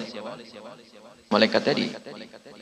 Maqala apa yang disampaikan, apa yang difirmankan yang dibawa oleh malaikat yaitu malaikat Jibril. Yang kedua wa ahyanan yatamatsalu li al-malak. Yang kedua itu wahyu datang kepada nabi itu terkadang malaikat yatamatsal berwujud, ber, berubah wujud ya, menyerupai. Jadi malaikat menyerupai ketika datang kepadaku al-malak malaikat rojulan menyerupai seorang laki-laki. Biasanya malaikat Jibril itu datang kepada Nabi salah satunya sowan kepada Nabi ya, yang dikenal dengan hadis Jibril ya. Itu menyerupai seperti laki-laki. Nah, laki-laki yang biasa diserupai oleh malaikat Jibril itu salah seorang sahabat Nabi yang paling ganteng namanya Tihyah Al-Kalabi. Siapa tadi? Tihyah Al-Kalabi. Itu malaikat Jibril sering menyamar. Mirip dengan salah seorang sahabat Nabi yang bernama Tihyah Al-Kalabi. Ya. Nabi ketika datangan malaikat Jibril itu, malaikat Jibril berparas, rambutnya hitam, bajunya putih, nggak ada bekas daripada debu, tidak ada bekas daripada safar, ya. Tapi itu datang, ya, kepada Nabi Wasallam. Itu yang ma'ruf, masyur dengan hadis Jibril. Seperti itu terkadang. Fayukallimuni. Kemudian mengajak bicara kepadaku. Ya. Jadi akhirnya menyampaikan risalah kepadaku malaikat Jibril tadi fa'i ma yaqulu kemudian aku menghafal ya, apa yang disampaikan apa yang dikatakan qalat Aisyah radhiyallahu anha. Kemudian Aisyah radhiyallahu anha ya, beliau mengatakan ya beliau mengatakan qalat Aisyah. Aisyah ber, berkata atau menceritakan ini. Menceritakan lanjutan dari hadis ini. Apa yang dikatakan oleh Aisyah selanjutnya? Walaqad ra'aituhu. Dan sungguh-sungguh ra'aitu aku melihat hu melihatnya. Yanzilu alaihi al-wahyu. Turun kepada beliau wahyu ini fil yaum pada suatu hari asyadid yang dahsyat al-bardi dinginnya jadi pernah peristiwa di mana wahyu itu datang ya kepada Nabi Shallallahu Alaihi Wasallam pada hari yang sangat apa dingin sekali dahsyat. Jadi memang wahyu itu tidak ringan jamaah sekalian. Wahyu itu berat sekali. Ya. Anhu wa inna jabinahu. Nah, ketika malaikat itu sudah selesai berpisah daripada Nabi setelah menyampaikan wahyu, Aisyah menceritakan wa inna jabinahu dan sesungguhnya keningnya Nabi itu la yatafassad la. Sungguh apa? Mengalir keringat. Di kening Nabi itu banjir keringat ya. Saking apa tadi? Beratnya itu wahyu padahal hari itu adalah hari apa? Dingin sekali. Quran jamaah sekalian. Quran itu bukan hal yang ringan, berat. Nabi sendiri menerima Quran, menerima wahyu itu pada hari yang sangat dingin, yang harusnya menggigil, tapi Nabi itu berkeringat. Sehingga ketika orang itu diberikan Quran itu menunjukkan Allah memilih anda, memilih kalian. Artinya bersemayam di dalamnya Quran. Kalau anzalna hadzal Quran, kalau seandainya kami turunkan Quran itu alal jabal, di atas gunung, la ra'aitahu khashi'an mutasaddian min khasyatillah. Apa yang terjadi? Gunung yang keras, yang batu, yang kokoh. Ya? Itu bisa pecah. Ya, bisa lumat. Sebab apa? Khusyuk dan takut. Dari siapa? Wahyunya Allah Subhanahu wa taala. Makanya jangan main-main. Hanya bagi santri-santri yang menghafal Al-Qur'an, jangan main-main dengan Al-Qur'an. Karena wahyu. Kalian adalah Quran yang berjalan. Kalian umat yang sedang berinteraksi dengan wahyunya Allah Subhanahu wa taala. Bukan surat biasa, bukan risalah biasa. Sehingga Nabi sendiri ketika menerima wahyu itu, hari yang sangat apa tadi? Ingin sekali. Nabi berkeringat. Ngalir itu namanya keringat Nabi Shallallahu alaihi wasallam. Ya. Wahyu itu berat tadi. Datang kepada Nabi Shallallahu alaihi wasallam ya. Dimasukkan itu wahyu, sampaikan itu wahyu kepada Nabi Shallallahu Alaihi Wasallam ya sampai-sampai Nabi itu apa berkeringat. Hanya saya selalu nasihati para santri kadang saat saya sulit sekali ngapal Quran Ustaz. Anda itu baru berapa kali baca? Ya. Baru tiga kali, baru sepuluh. Jamaah sekalian. Baru sekali, baru tiga kali, baru sepuluh kali sudah menyerah ketika berinteraksi dengan ayat-ayat Allah. Ya kan? Ketika menghafal merasa sulit. Yang sulit itu bukanlah ya hati kalian atau otak kalian tidak. Tapi kurangnya niat. Kalau ada orang niat kuat ya untuk bisa menerima wahyunya Allah Subhanahu wa taala, Allah akan bantu karena wahyu itu langsung diberikan oleh siapa? Allah Subhanahu wa taala. Allah yang memilihnya.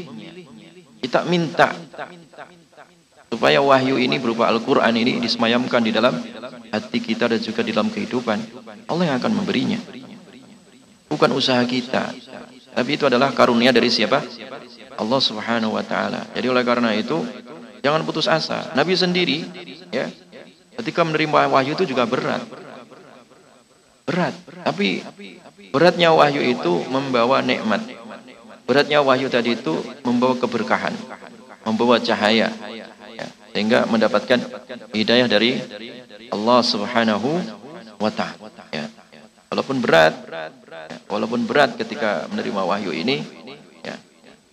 Tapi kita sebagai umatnya harus tetap memegangnya. Walaupun itu uh, di tangan kita ada bara yang harus dipegang. Tapi jangan dilepas walaupun panas.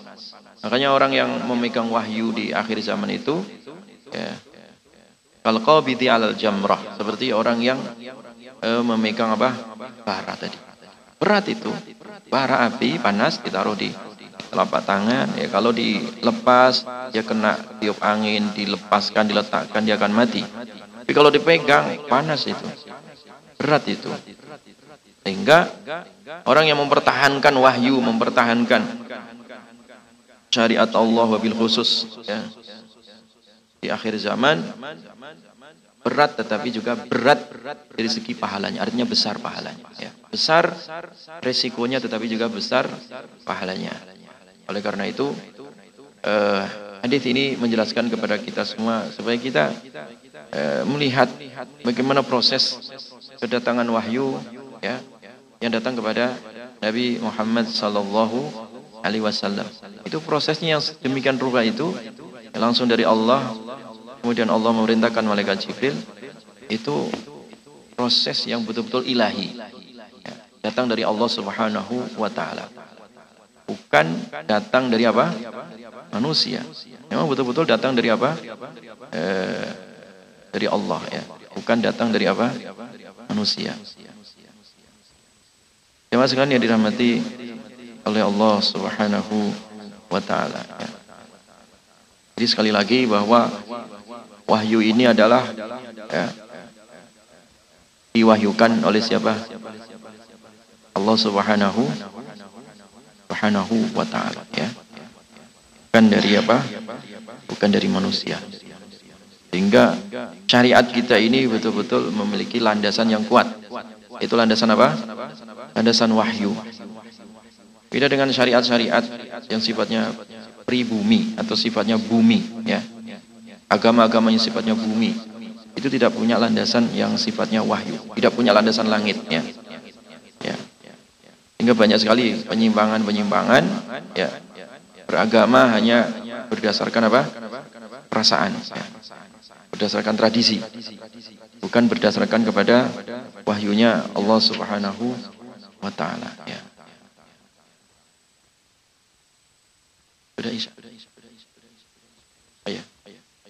Monggo.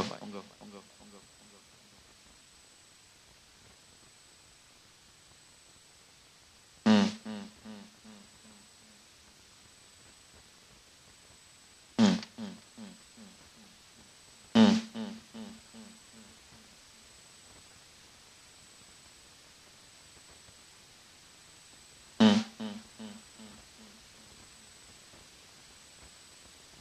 Niat untuk mencuri. Ya. Atau niat buruk. Kalau niat buruk belum dilaksanakan selama belum diapakan dilaksanakan. Maka belum dicatat oleh Allah. Inilah rahmatnya Allah Subhanahu wa taala. Ya. jadi kalau orang niat apa kebaikan itu langsung dicatat tapi kalau niat keburukan itu ditunda oleh Allah sampai betul-betul apa dilaksanakan itu niat buruk ya. Itu pun ketika keburukan dilaksanakan maka dosanya cuma satu dosanya apa? Satu aja gitu. Beda dengan ketika orang niat kebaikan belum dilaksanakan sudah dicatat dan ketika dilaksanakan nah itu dilipat gandakan amalannya. Berisya ya cukup ya. Allah kita lanjutkan pertemuan pekan depan insyaallah subhanakallahumma bihamdika asyhadu an la ilaha illa anta astaghfiruka wa atubu Muhammadin wa alihi wasallam. Assalamualaikum warahmatullahi wabarakatuh.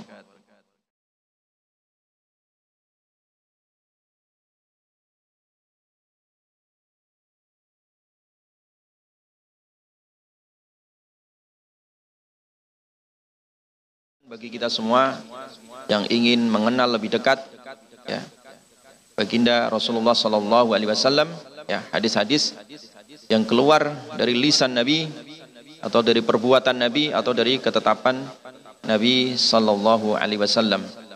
Yang insya Allah kita akan membacakan hadis yang ketiga ya. Ya insya Allah nanti eh, mungkin panitia akan mengkopi ya beberapa hadis dulu Pak Didi ya. Kopi nanti insya Allah dibagikan ke jamaah supaya Eh, sama-sama menyimak teks daripada hadisnya. Qala Imam Bukhari rahimahullah haddatsana Yahya ibnu Bukairin qala haddatsana Al-Lais an Uqail an Ibni Shihab an Urwah Ibni Zubair an Aisyah Ummil Mu'minin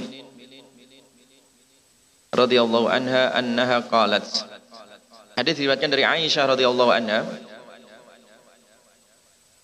Awwalu ma budi'a bihi Rasulullah sallallahu alaihi wasallam minal wahyi.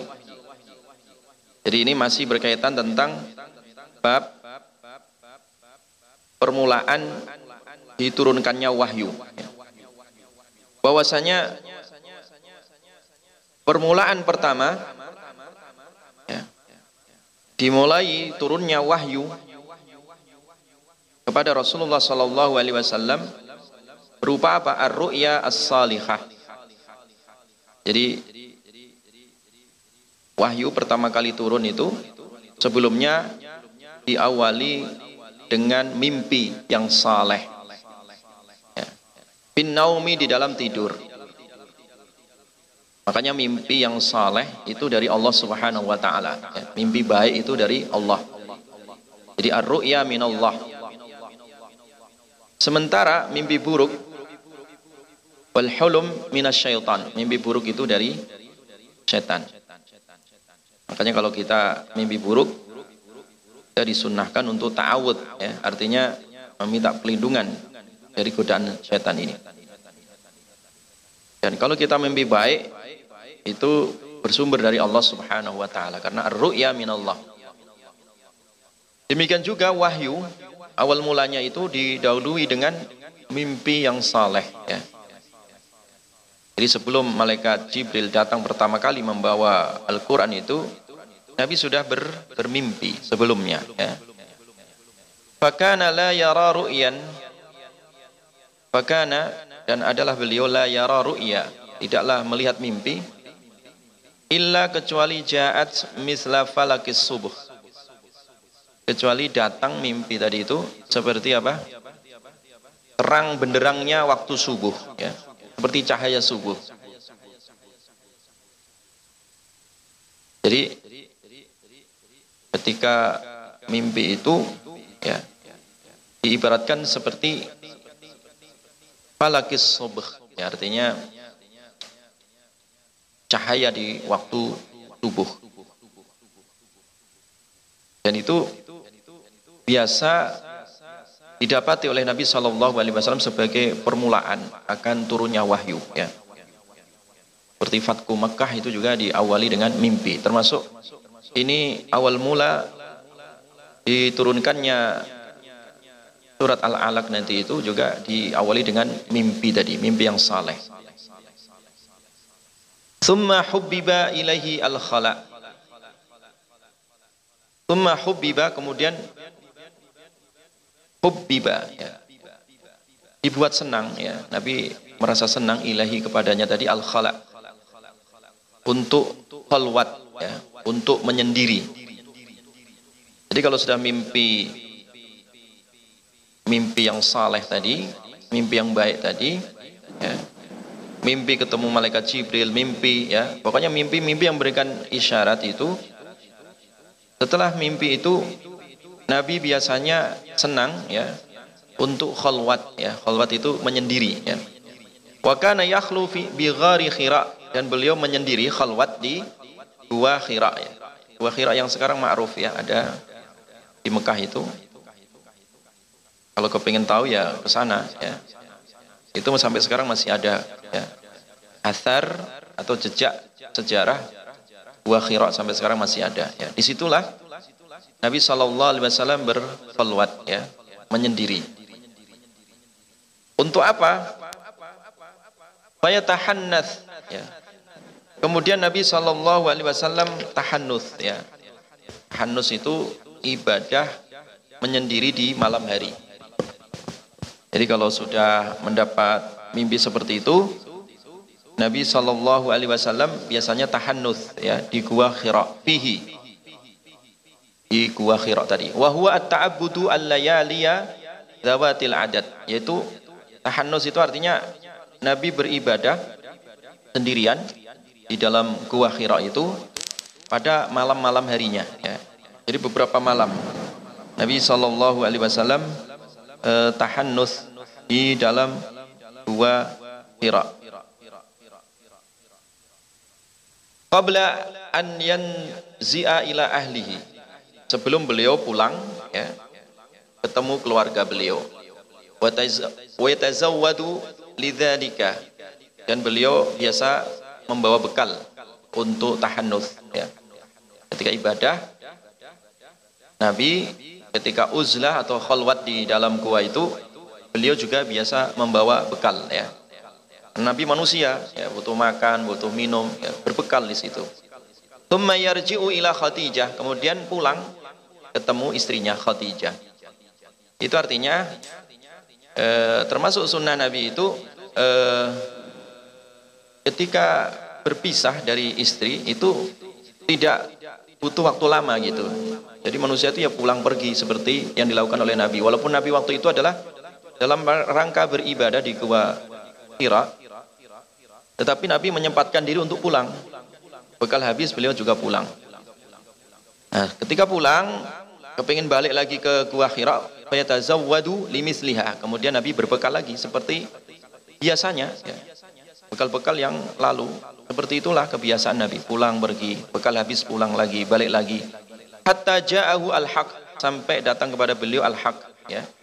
Itu datang kepada beliau al-haq yaitu wahyu ya. Makanya wahyu itu juga disebut sebagai al-haq. Wa huwa fi ghari khira. Dan beliau berada di gua khira faja'ahu al-malak. Maka kemudian datang kepada beliau malaikat. Yaitu malaikat siapa? Jibril ya. Malaikat apa? Jibril. Jadi datang.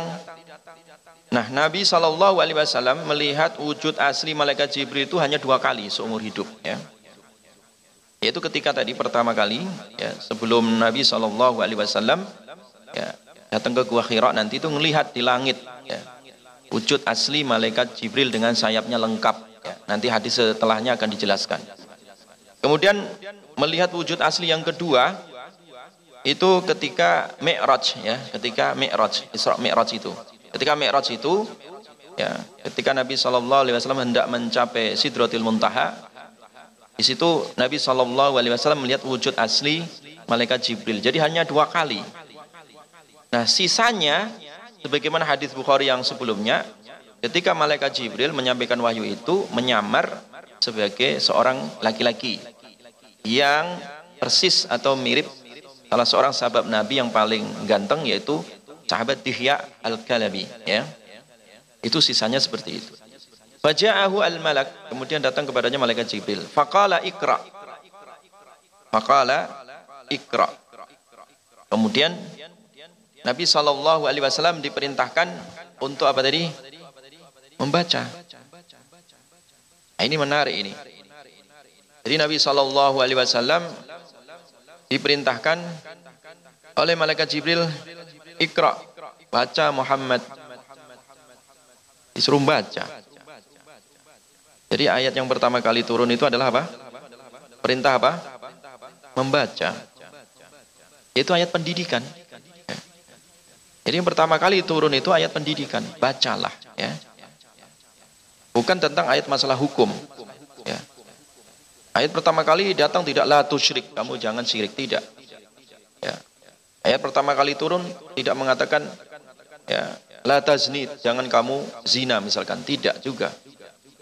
Tapi ayat yang pertama kali turun itu adalah memerintahkan apa tadi? Iqra ya. Baca Muhammad ya. Disuruh apa tadi? Membaca. Coba bagaimana kondisi Nabi Shallallahu Alaihi Wasallam menghadapi ya orang-orang jahiliyah? Ya jahiliyah yang dimaksud adalah jahil dari segi akidah dari segi akhlak ya. Sehingga Nabi Shallallahu Alaihi Wasallam harus menyendiri di gua Khira tadi.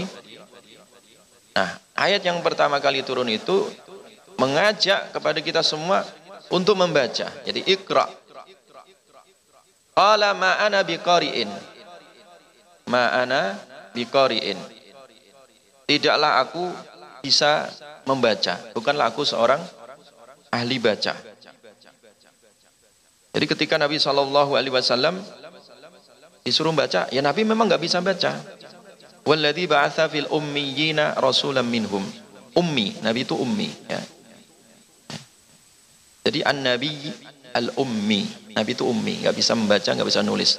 Tapi kenapa disuruh membaca di sini? Nah, disuruh membaca sampai diulang-ulang. Ya. Fa'akhadhani faghattani. Kemudian malaikat Jibril mengambil aku, ya, aku diambil, tarik malaikat Jibril, kemudian dipeluk atau didekap itu, hatta balagha minni al-jahd. Sampai aku merasa payah, merasa berat. Karena dirangkul, di dekap oleh malaikat Jibril. Tumma arsalani kemudian dilepas lagi. Faqala ikra. Terus baca lagi, dekap lagi. Kultu aku mengatakan ma'ana biqori'in. Aku nggak bisa baca. Kemudian fa'akhadani faqattani atsaniyah. Kemudian ditarik lagi oleh malaikat Jibril, peluk atau dirangkul, didekap dua kali lagi. Tetap sama. Hatta balagha minni al-jahd. Sampai aku merasa payah, ya, merasa berat. Tumma arsalani kemudian dilepas lagi. Faqala ketiga kalinya malaikat Jibril mengatakan ikra. Faqultu ma ana biqari'in. Aku enggak bisa baca. Fa akhadhani fakhattani ats-tsalitsah tumma arsalani. Kemudian di sama dirangkul lagi, dekap lagi, terus baca. Berapa kali tadi? Tiga kali. Ya. Tiga kali. Jelas-jelas Nabi tidak bisa baca, tapi disuruh baca. Sehingga waktu itu Nabi yang tidak bisa membaca dan menulis ketika diajari oleh malaikat Jibril ternyata membaca ini disuruh menghafal Iqra bismi rabbikal ladzi khalaq khalaqal insana min 'alaq Iqra wa rabbukal akram. Akhirnya turun itu surat Iqra ini. Baca dengan menyebut Rabbmu yang telah menciptakan Khalaqal insana min alaq yang telah menciptakan manusia dari sekumpal apa? darah ya. Iqra wa rabbukal akram. Bacalah dengan menyebut nama Tuhanmu yang maha mulia ya. Disuruh Iqra ya. Ini adalah perintah untuk kita membaca ya. Perintah untuk apa tadi? Membaca. Tetapi membaca di situ yang pertama kali justru adalah menghafal. Nabi menghafal. Makanya menghafal itu adalah bagian dari komponen pendidikan. Jadi salah satu teori untuk mendapatkan ilmu adalah dengan cara apa? Menghafal. Makanya keliru kalau ada orang mengatakan menghafal itu tidak penting. Justru ya konsep dasar ilmu itu menghafal. Nabi itu diajarkan menghafal dulu. Ya. Nabi diajari menghafal apa? Terlebih dahulu. Dan ilmu itu dihafal. Ya karena sahabat semuanya menghafal. Makanya Quran wahyu pertama kali turun itu enggak ditulis ya. Pembukuan wahyu itu kan setelah Nabi wafat. Atau pembukuan wahyu secara terpisah itu kan hanya personal sifatnya. Ya. Kenapa? Karena sahabat itu semuanya hafal. Apa yang disampaikan oleh Nabi dihafal. Jadi oleh karena itu dalam tradisi ilmu Islam itu menghafal itu adalah ya, konsep dasar ilmu terpenting ya sebelum menulis dan sebelum membaca. Itu adalah konsepnya dasarnya apa tadi? Menghafal. Ya. Makanya anak kecil itu sebelum diajari nulis baca, bagusnya diajari menghafal dulu. Tidak akan rusak otaknya kanan atau otak kiri sebagaimana dituduhkan oleh teori-teori barat yang sangat keliru ya. Karena memang di barat itu tidak ada teks yang dihafal. Injil, Zabur, Taurat tidak dihafal. Apalagi kitab-kitab bumi yang mereka ciptakan itu tak ada yang bisa dihafal. Sehingga tidak ada tradisi ilmu di antara mereka orang-orang barat sekuler dengan teori menghafal di dalam masalah mendapatkan ilmu. Tetapi dalam Islam kebalikannya ilmu itu pertama kali didapat dengan cara apa tadi? Menghafal. Nabi sampai diulang tiga kali. Iqra. Aku tak bisa membaca. Tetap aja diajarkan, ditalkin oleh malaikat Jibril. Iqra. Didekap lagi. Iqra. Iqra sampai tiga kali ternyata hafal. Nah inilah metode pengulangan, talaki. Ya. Makanya kita jumpai ya, di dunia ini satu-satunya kitab teks suci yang bisa dihafal itu Quran. Orang buta bisa ngafal, orang cacat bisa ngafal. Orang yang terkena kanker otak pun bisa menghafal Quran. Kenapa? Dimudahkan oleh Allah Subhanahu wa taala. Baca ya. Jamaah sekalian dirahmati oleh Allah dan ayat ini menarik lagi. Membaca ini diulang dua kali. Ayat pertama, Iqra bismi rabbikal ladzi khalaq, khalaqal insana min 'alaq. Ayat yang pertama ini, Iqra pertama dengan Iqra kedua beda. Nah, ini bagaimana disarah oleh para ulama. Nah, ikra pertama ini adalah ikra perintah membaca supaya kita melihat alam nih. Melihat ayat-ayat kauniyah. Baca Muhammad dengan menyebut nama Rabbmu yang telah menciptakan. Penciptaan manusia, penciptaan alam. Ya. Dicontohkan di situ Allah telah menciptakan manusia dari segumpal darah diperintahkan untuk membaca ayat-ayat kauniyah, ayat-ayat tentang alam besar ini, alam jagat raya ini. Kita diperintahkan. Kemudian juga Nabi Shallallahu Alaihi Wasallam diperintahkan untuk membaca ayat-ayat yang sifatnya majluah, ya. Jadi ikra warabukal akram, ya. Baca Muhammad, ya.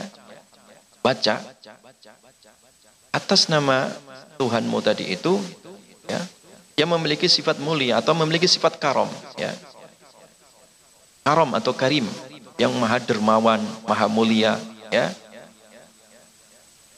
dan ini ayat dua-duanya tadi dua-dua ikro tadi perintah untuk kita melihat alam ini ya, alam kalau kita melihat alam secara empiris itu bisa melahirkan uh, teori ilmu ya Makanya sain alam itu lahirnya di sini.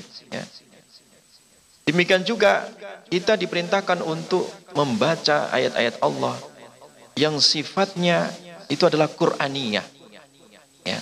Secara tekstual. Ya. Nah, di sini dua-duanya memerintahkan bahwa mengaitkan bacaan itu dengan bismi rabbika ya. Dengan menyebut nama Rob. Artinya tidak boleh memisahkan ilmu dari Tuhan. Kalau ilmu dipisahkan dari Allah yang memberi ilmu itu namanya sekuler. Bahaya dampak sekuler semua ini telah membawa kehancuran di dalam kehidupan manusia bahkan kehancuran dunia. Zaharul fasad, kerusakan di dunia ini salah satunya disebabkan karena memisahkan ilmu ya, dari agama, memisahkan ilmu dari wahyu. Nah, ini dampaknya besar sekali terhadap kehidupan. Makanya ketika Nabi Shallallahu Alaihi Wasallam sebelum diperintahkan untuk membenahi masyarakat jahiliyah tadi itu bangun peradaban ilmunya dulu diikat ilmu itu dengan wahyu makanya para pemikir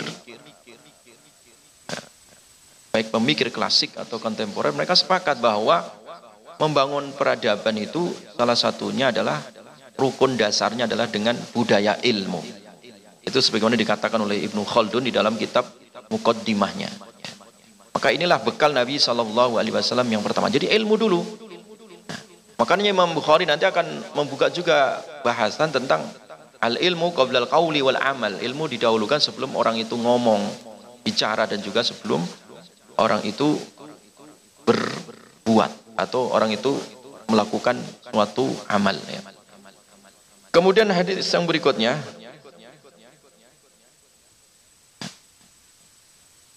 Jelas ya tadi? Diperintahkan apa tadi? Membaca dengan menyebut nama Rabbu yang telah menciptakan manusia dari apa? Min alaq. Kemudian membaca yang kedua Iqra wa rabbukal akram alladhi 'allama bil qalam 'allamal insana ma lam ya'lam. Yang telah Allah Subhanahu wa taala yang telah mengajarkan manusia dengan qalam ya. Yang telah mengajarkan manusia dari apa yang manusia belum apa? mengetahuinya. Jadi ini juga konsep dasar bahwa ilmu itu semuanya adalah sumbernya dari siapa? Allah Subhanahu wa taala ya. Ya, sehingga kita tidak boleh sombong memisahkan ilmu dari Allah ya. Sebagaimana sombongnya para ilmuwan-ilmuwan barat ya yang mereka tidak butuh Tuhan, tidak butuh wahyu. Makanya rusak ilmunya. Ya. Ketika rusak ilmu, adabnya juga ilmu. Peradabannya apa? Ketika rusak ilmu, rusaklah adab. Ketika rusak adab maka rusaklah peradaban. Ya. The loss of adab ini pusat daripada kerusakan dunia. Nah, hilangnya adab tadi itu karena dikorupsinya ilmu alias disekulerkannya ilmu dari wahyu. Nah ini. Jamaah sekalian dirahmati oleh Allah. Nah setelah turun ini, faraja biha Rasulullah sallallahu alaihi wasallam. Kemudian Nabi pulang dengan membawa ayat tadi. Pulang dalam kondisi apa? Yarjufu fuaduhu dalam kondisi takut hatinya. Jadi Nabi Shallallahu Alaihi Wasallam dalam kondisi sangat takut ya. Jadi hatinya sangat ketakutan. Kenapa? Nabi nggak pernah lihat namanya malaikat. Tiba-tiba muncul malaikat. Ya, alamnya beda. Sehingga Nabi wajar kalau pertama ketakutan melihatnya. Ya, dalam kondisi ketakutan itu fadakhala ala Khadijah. Kemudian Nabi masuk ke rumah ya, ke, tempat istrinya itu Khadijah binti Khuwailid. Radhiyallahu anha. Faqala zammiluni zammiluni. Selimuti aku, semilut eh, apa? Selimuti aku. Selimut, minta selimut Nabi. Karena apa? Badannya menggigil. Takutan tadi. Biasanya kalau orang ketakutan kan menggigil badannya. Zammiluni, selimuti aku. Fazammaluhu hatta dhaba anhu ar-raw. Akhirnya Nabi diselimuti sampai hilang itu rasa takutnya. Ketika sudah agak tenang kondisi Nabi yang ketakutan tadi itu faqal li Khadijah wa akhbaruha al-khabar. Akhirnya Nabi berkata pada istrinya dan menceritakan kabar tadi. Laqad khasyitu ala nafsi. Tunggu aku takut pada diriku. Artinya Nabi itu takut kalau mati sebab saking apa? dahsyatnya itu tadi ketakutannya Nabi itu menerima wahyu pertama ya. Ya. Khawatir mati kalau saking ketakutannya tadi itu atau takut sakit, jatuh sakit sebab menggigil tadi, ketakutan tadi itu. Itu yang disebut dengan laqad khasyitu ala nafsi saya mengkhawatirkan diriku ini ya. Faqalat Khadijah dalam kondisi ketakutan tadi itu Khadijah menghiburnya dan inilah salah satu fungsi istri Salah satunya adalah memberikan penguatan kepada suaminya pada masa-masa kritis atau pada masa-masa takut atau masa-masa susah. Apa yang dikatakan Khadijah? Kebesaran hati Khadijah. Kalla. Tidak usah takut, tidak usah begitu. Wallahi demi Allah. Ma yuhzikallahu abada. Dalam riwayat dikatakan ma yuhzinukallahu abada. Tidak usah khawatir demi Allah. ya Allah sekali-kali tidak membuat kamu sedih selamanya. Atau ma yukhzika Allah sekali-kali tidak menghinakanmu selamanya. Kenapa? Innaka latasilur rahim. Karena engkau adalah orang yang menyambung tali silaturahim. Ini lihat akhlak Nabi sebelum diutus ya. Jadi kebiasaan Nabi itu yang dikenal dikenang oleh Khadijah istrinya ya. Kenapa Khadijah meyakinkan memberikan semangat kepada Nabi ya bahwa nggak usah khawatir, nggak usah takut ya karena Nabi juga nggak tahu siapa tadi. Ya. Nabi belum kenal Jibril waktu itu. Dalam kondisi menggigil, dalam kondisi ketakutan, Khadijah menyelimuti kemudian menghiburnya. Innaka latasilur rahim. Muhammad gak usah takut. Karena engkau adalah orang baik. Engkau adalah orang yang suka menyambung tali silaturahim. Wa tahmilul kal. wa tahmilu kal dan engkau itu senang menyokong atau memikul ya wa tahmilu memikul al kal kal itu artinya orang yang lemah ya jadi alladzi la yastaqillu bi amri li dha'fin. Engkau senang memikul beban orang yang lemah. Wa tahmilul kal. Wa taksibul ma'dum. Wa taksibu dan engkau senang mengusahakan al ma'dum orang-orang yang fakir. Jadi Nabi itu senang membantu orang-orang susah, ya, membantu orang-orang fakir. Salah satu keuntungan bisnis Nabi, dagangnya Nabi itu untuk memberikan subsidi. Al-ma'dum ini orang-orang yang tiada, artinya orang-orang yang susah, ya. Orang-orang yang fakir, orang-orang yang miskin. Itu dibantu oleh Nabi Sallallahu Alaihi Wasallam. Nah, di sini Khadijah ingin menegaskan bahwa ketika orang baik itu nggak usah takut gitu. Nggak usah takut terhadap dirinya. Karena apa? Kebaikannya itu akan jadi energi yang akan menolong dirinya dengan izin Allah tadi. Orang silaturahim itu ada energi positif. Orang rajin silaturahim itu banyak teman, pasti banyak yang menolong, banyak yang mendukung. Orang yang senang memikul beban orang lain, yang lemah, ya dibantu, ya pasti ya banyak, ya sekali, ya pendukungnya, orang yang senang dengannya. Wataksibu al-ma'dum. Demikian juga Nabi Shallallahu Alaihi Wasallam orang yang senang mencarikan ya, pekerjaan atau orang yang senang membantu orang-orang yang makdum, orang-orang yang fakir. Watakri ad-daif dan watakri dan engkau menjamu ad-daif tamu. Senang menjamu tamu ya.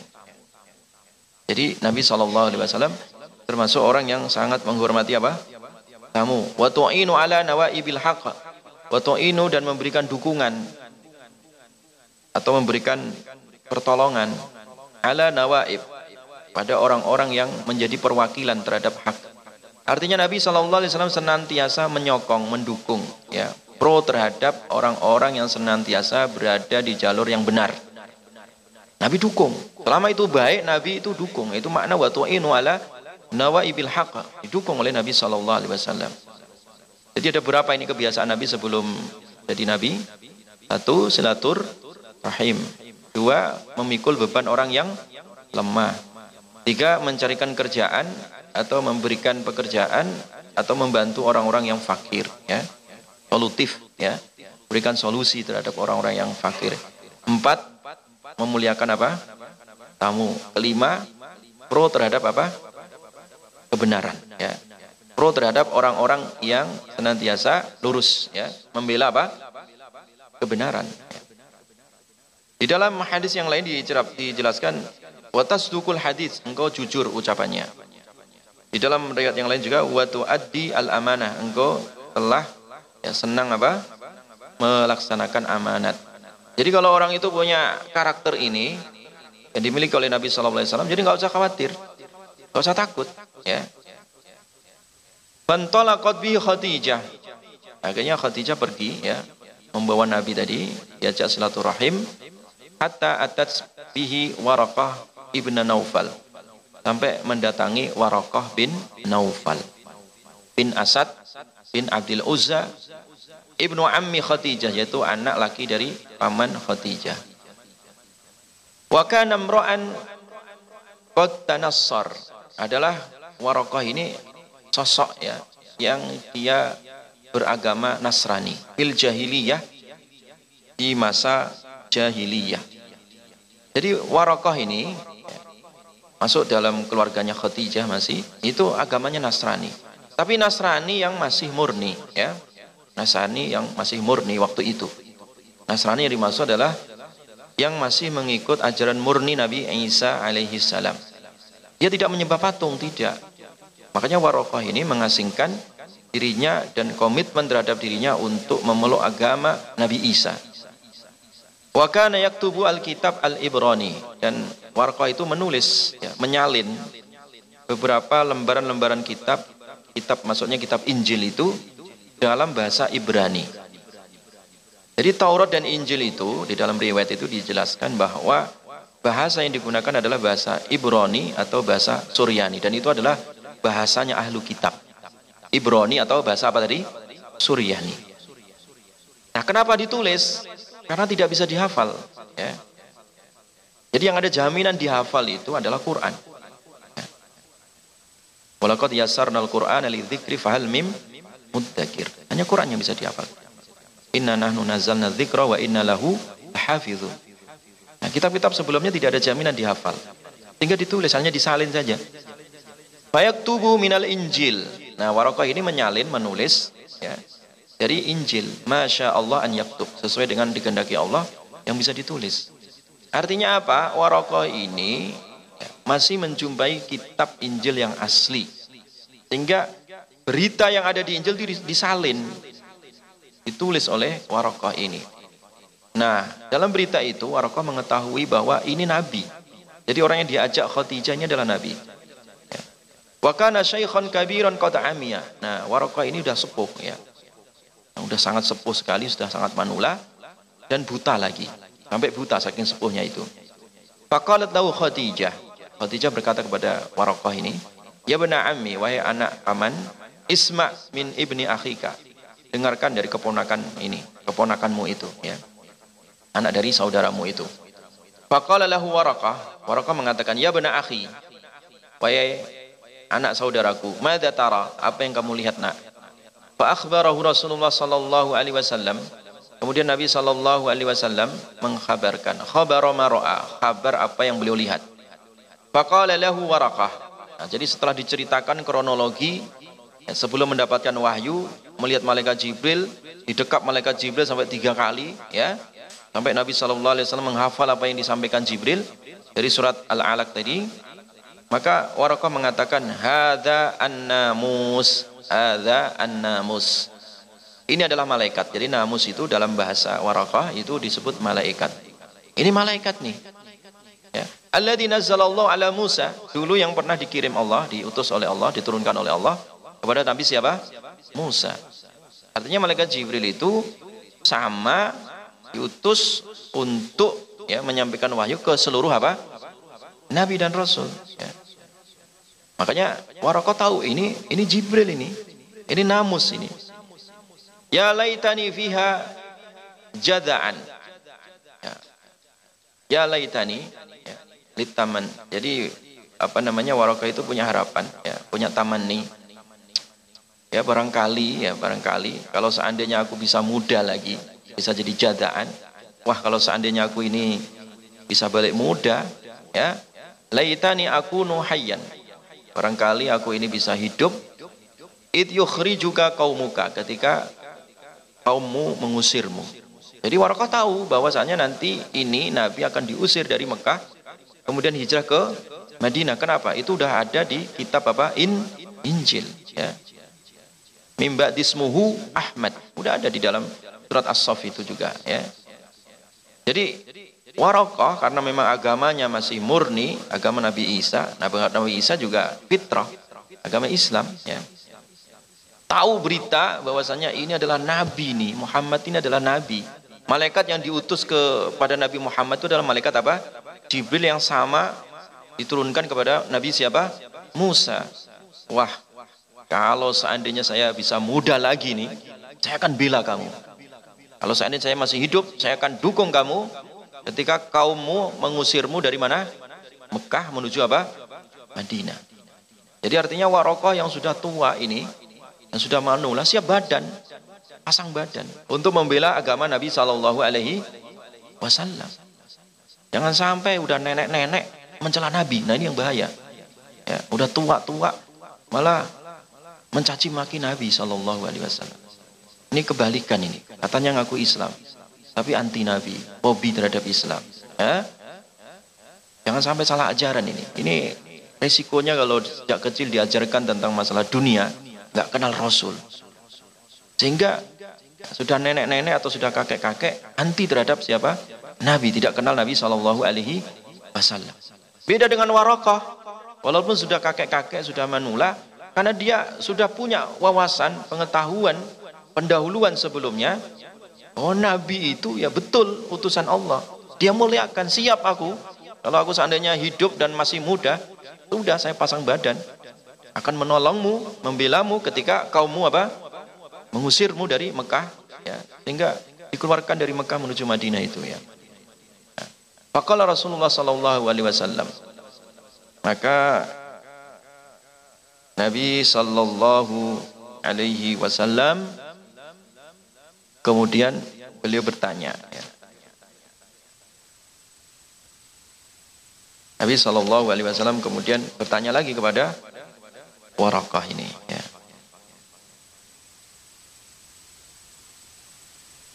Awa mukhrijiyahum Apakah aku ini diusir oleh mereka? Wala na'am, iya, kamu akan diusir kata Warakah. Jadi artinya Warakah itu tahu kalau Nabi ini bakal diapakan? Diusir oleh siapa? Kaumnya, karena merasa kaumnya ini gengsi. Apa yang dibawa oleh Nabi tidak sama dengan apa yang disembah oleh mereka sesuai agama nenek moyang mereka.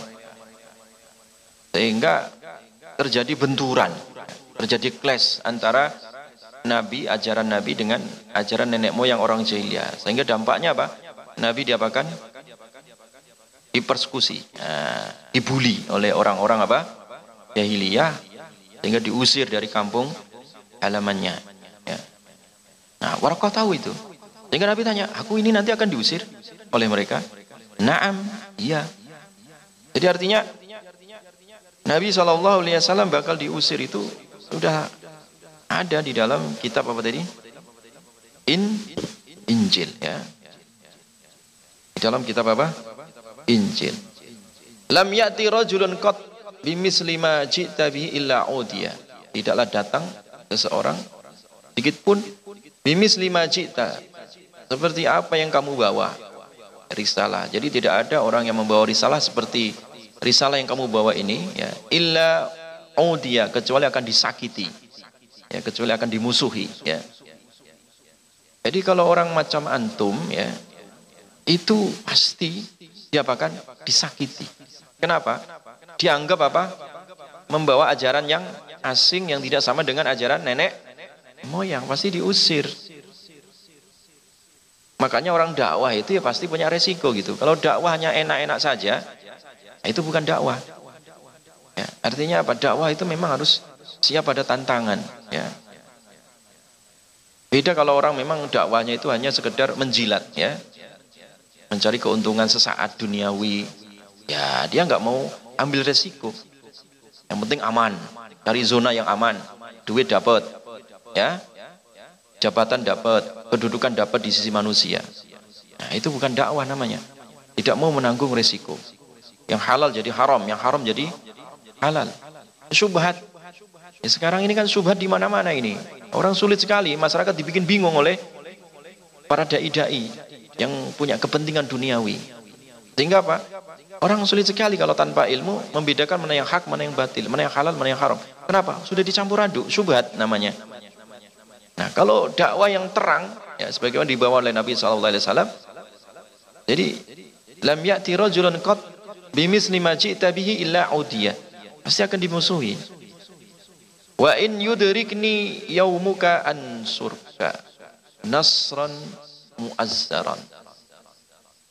Kalau seandainya, nah ini sumpahnya siapa tadi? Warokah ya.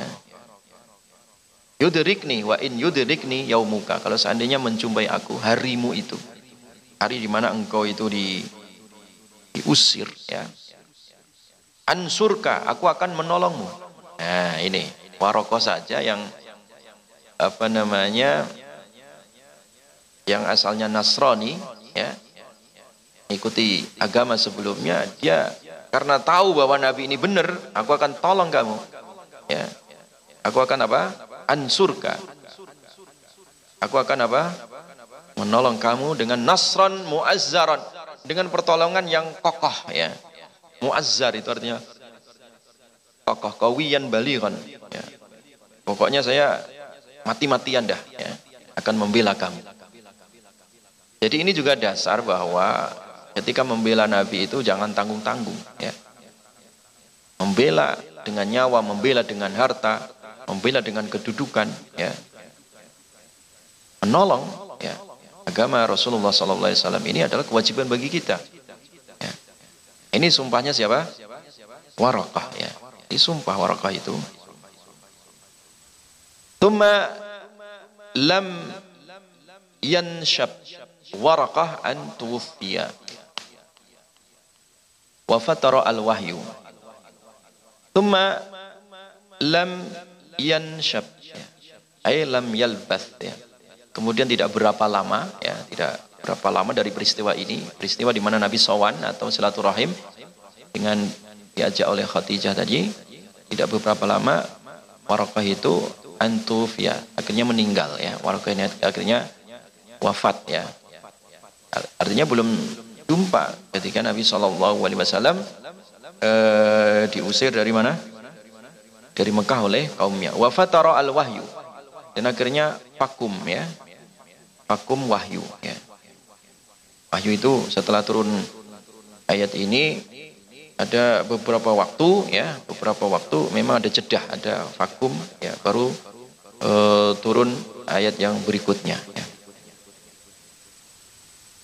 Jamaah sekalian yang dirahmati oleh Allah Subhanahu wa taala ya. Jadi itu hadis tentang apa tadi? Eh, kronologi diutusnya oleh Nabi ya, Nabi diutus oleh Allah Subhanahu wa taala untuk mendapatkan apa tadi? Wahyu dari langit yang pertama kali. Itu surat apa tadi? Surat Al-Alaq ya. Surat apa tadi? Al-Alaq. Nah, sebagian ulama mengatakan itu terjadi hari Senin ya. Terjadi apa? Hari apa? Hari Senin. Jadi peristiwa ini terjadi pada hari Senin. Ada sebagian riwayat mengatakan itu 17 ya. Ramadan ya. Walaupun memang itu terjadi khilafiyah di antara ulama ya. Kalau harinya memang hari apa? Senin karena itu ada sarih atau perkataan yang jelas dari Nabi Shallallahu Alaihi Wasallam tentang peristiwa eh, pertama kali diutus oleh Allah dengan membawa ikra ini itu adalah pada hari hari Senin. Nah usianya Nabi waktu itu adalah usia 40-an ya. Ada yang mengatakan 40 pas, ada yang mengatakan 43. Artinya 40-an. Ya. Artinya pada usia yang sangat matang. Ya. Usia pertengahan yang matang. Tidak terlalu apa? Muda, tidak terlalu apa?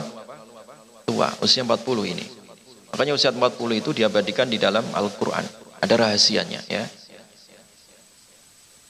Hatta idha balagha asyuddahu wa balagha arba'ina sana. Ketika orang itu sudah mencapai kematangannya dan mencapai e, usia berapa? 40. Ya. Jadi usia 40 ini adalah usia yang sangat apa? Dewasa ya. Usia apa? Matang. Makanya Nabi itu diutus oleh Allah Subhanahu wa taala sebagai nabi yang terbaik. Dengan perantara yang terbaik yaitu malaikat Jibril, komandannya dari para malaikat. Diutus dengan wahyu yang terbaik yaitu Al Quran, menyempurnakan dari semua wahyu sebelumnya. Diutus pada bulan terbaik, bulan Ramadan. Diutus pada malam terbaik, yaitu malam Lailatul Qadar. Ya. Sehingga mulia ya, Quran ini ya, sebagai wahyunya Allah Subhanahu wa taala. Jadi Wahyu yang terbaik kepada Nabi Allah yang terbaik. Oleh karena itu, orang yang memegang wahyu ini yaitu Al-Quran akan menjadi makhluk yang terbaik. Sehingga Nabi mengatakan, khairukum man ta'allamal Quran wa allama. Jadi sebaik-baiknya kalian itu ada orang-orang yang mau belajar dan mengajar Al-Quran. Khairukum gitu ya. Kenapa? Ya memang Al-Quran itu terbaik. Nggak ada yang lebih baik daripada Al-Quran. Bagaimana dengan harta satu triliun Ustaz? Gak terbaik. Bagaimana kalau 300 triliun Ustaz? Gak terbaik juga. Satu huruf dalam Al-Quran itu lebih baik daripada 300 triliun. Ya. Satu lembar dalam Al-Quran ya, itu terbaik. Gak ada yang bisa menandinginya. Apalagi kalau 30 juz. Ya. Apalagi kalau ada di dalam diri kita, itu Al-Quran itu yang sebaik-baiknya makhluk. Khairukum man ta'allamal Quran wa 'allama. Orang hafal hadis ini, tapi terkadang nggak tak paham. Kadang paham tapi nggak bisa mengamalkan. Makanya dulu para sahabat, para tabiin betul-betul hafal Quran ini dan paham hadis itu, paham tentang konsep wahyu, paham tentang hakikat wahyu. Sehingga dipegang betul itu. Ya. Habib Abdurrahman As-Sulami, ya, muridnya Uthman bin Affan, itu termotivasi dengan satu hadis saja. Itu ketika Utsman meriwayatkan hadis dari Nabi sallallahu alaihi wasallam, "Khairukum man ta'allamal Qur'an wa 'allama." Sebaik-baiknya kalian adalah orang yang membawa wahyu Al-Qur'an ini, mengajarkan dan mengajarkan, belajar dan mengajarkannya. Pulang Abi Abdurrahman As-Sulami dari Madinah ke Kufah ya. Di Kufah seumur hidup hidupnya untuk Quran. Karena paham bahwa khairukum sebaik-baiknya makhluk, sebaik-baiknya kalian adalah dengan Quran. Sampai seumur hidup. Di akhir hayatnya, murid-muridnya berkunjung. Gurunya masih tetap aja di masjid itu, masjid Kufah. Bertanya ya Tuan Guru, apa yang memotivasi Anda betah untuk duduk di sini? Beliau mengatakan, "Dzalikal ladzi aqa'adani fi majlisi hada." Hadis inilah yang memotivasi aku untuk duduk di sini. Yaitu apa? Khairukum man ta'allamal Qur'an wa 'allama. Sebaiknya kalian adalah orang yang mau belajar dan mengajarkan apa? Al-Qur'an. Kenapa tadi? Wahyu. Quran itu adalah wahyunya Allah Subhanahu wa taala, bukan produk budaya. Ya, bukan produk lokal, bukan budaya Arab, bukan. Itu memang wahyu dari Allah Subhanahu wa taala. Saya kira cukup ya. Enggak ada tanda-tanda adanya. Subhanakallahumma bihamdika asyhadu an la ilaha illa anta astaghfiruka wa atubu warahmatullahi wabarakatuh.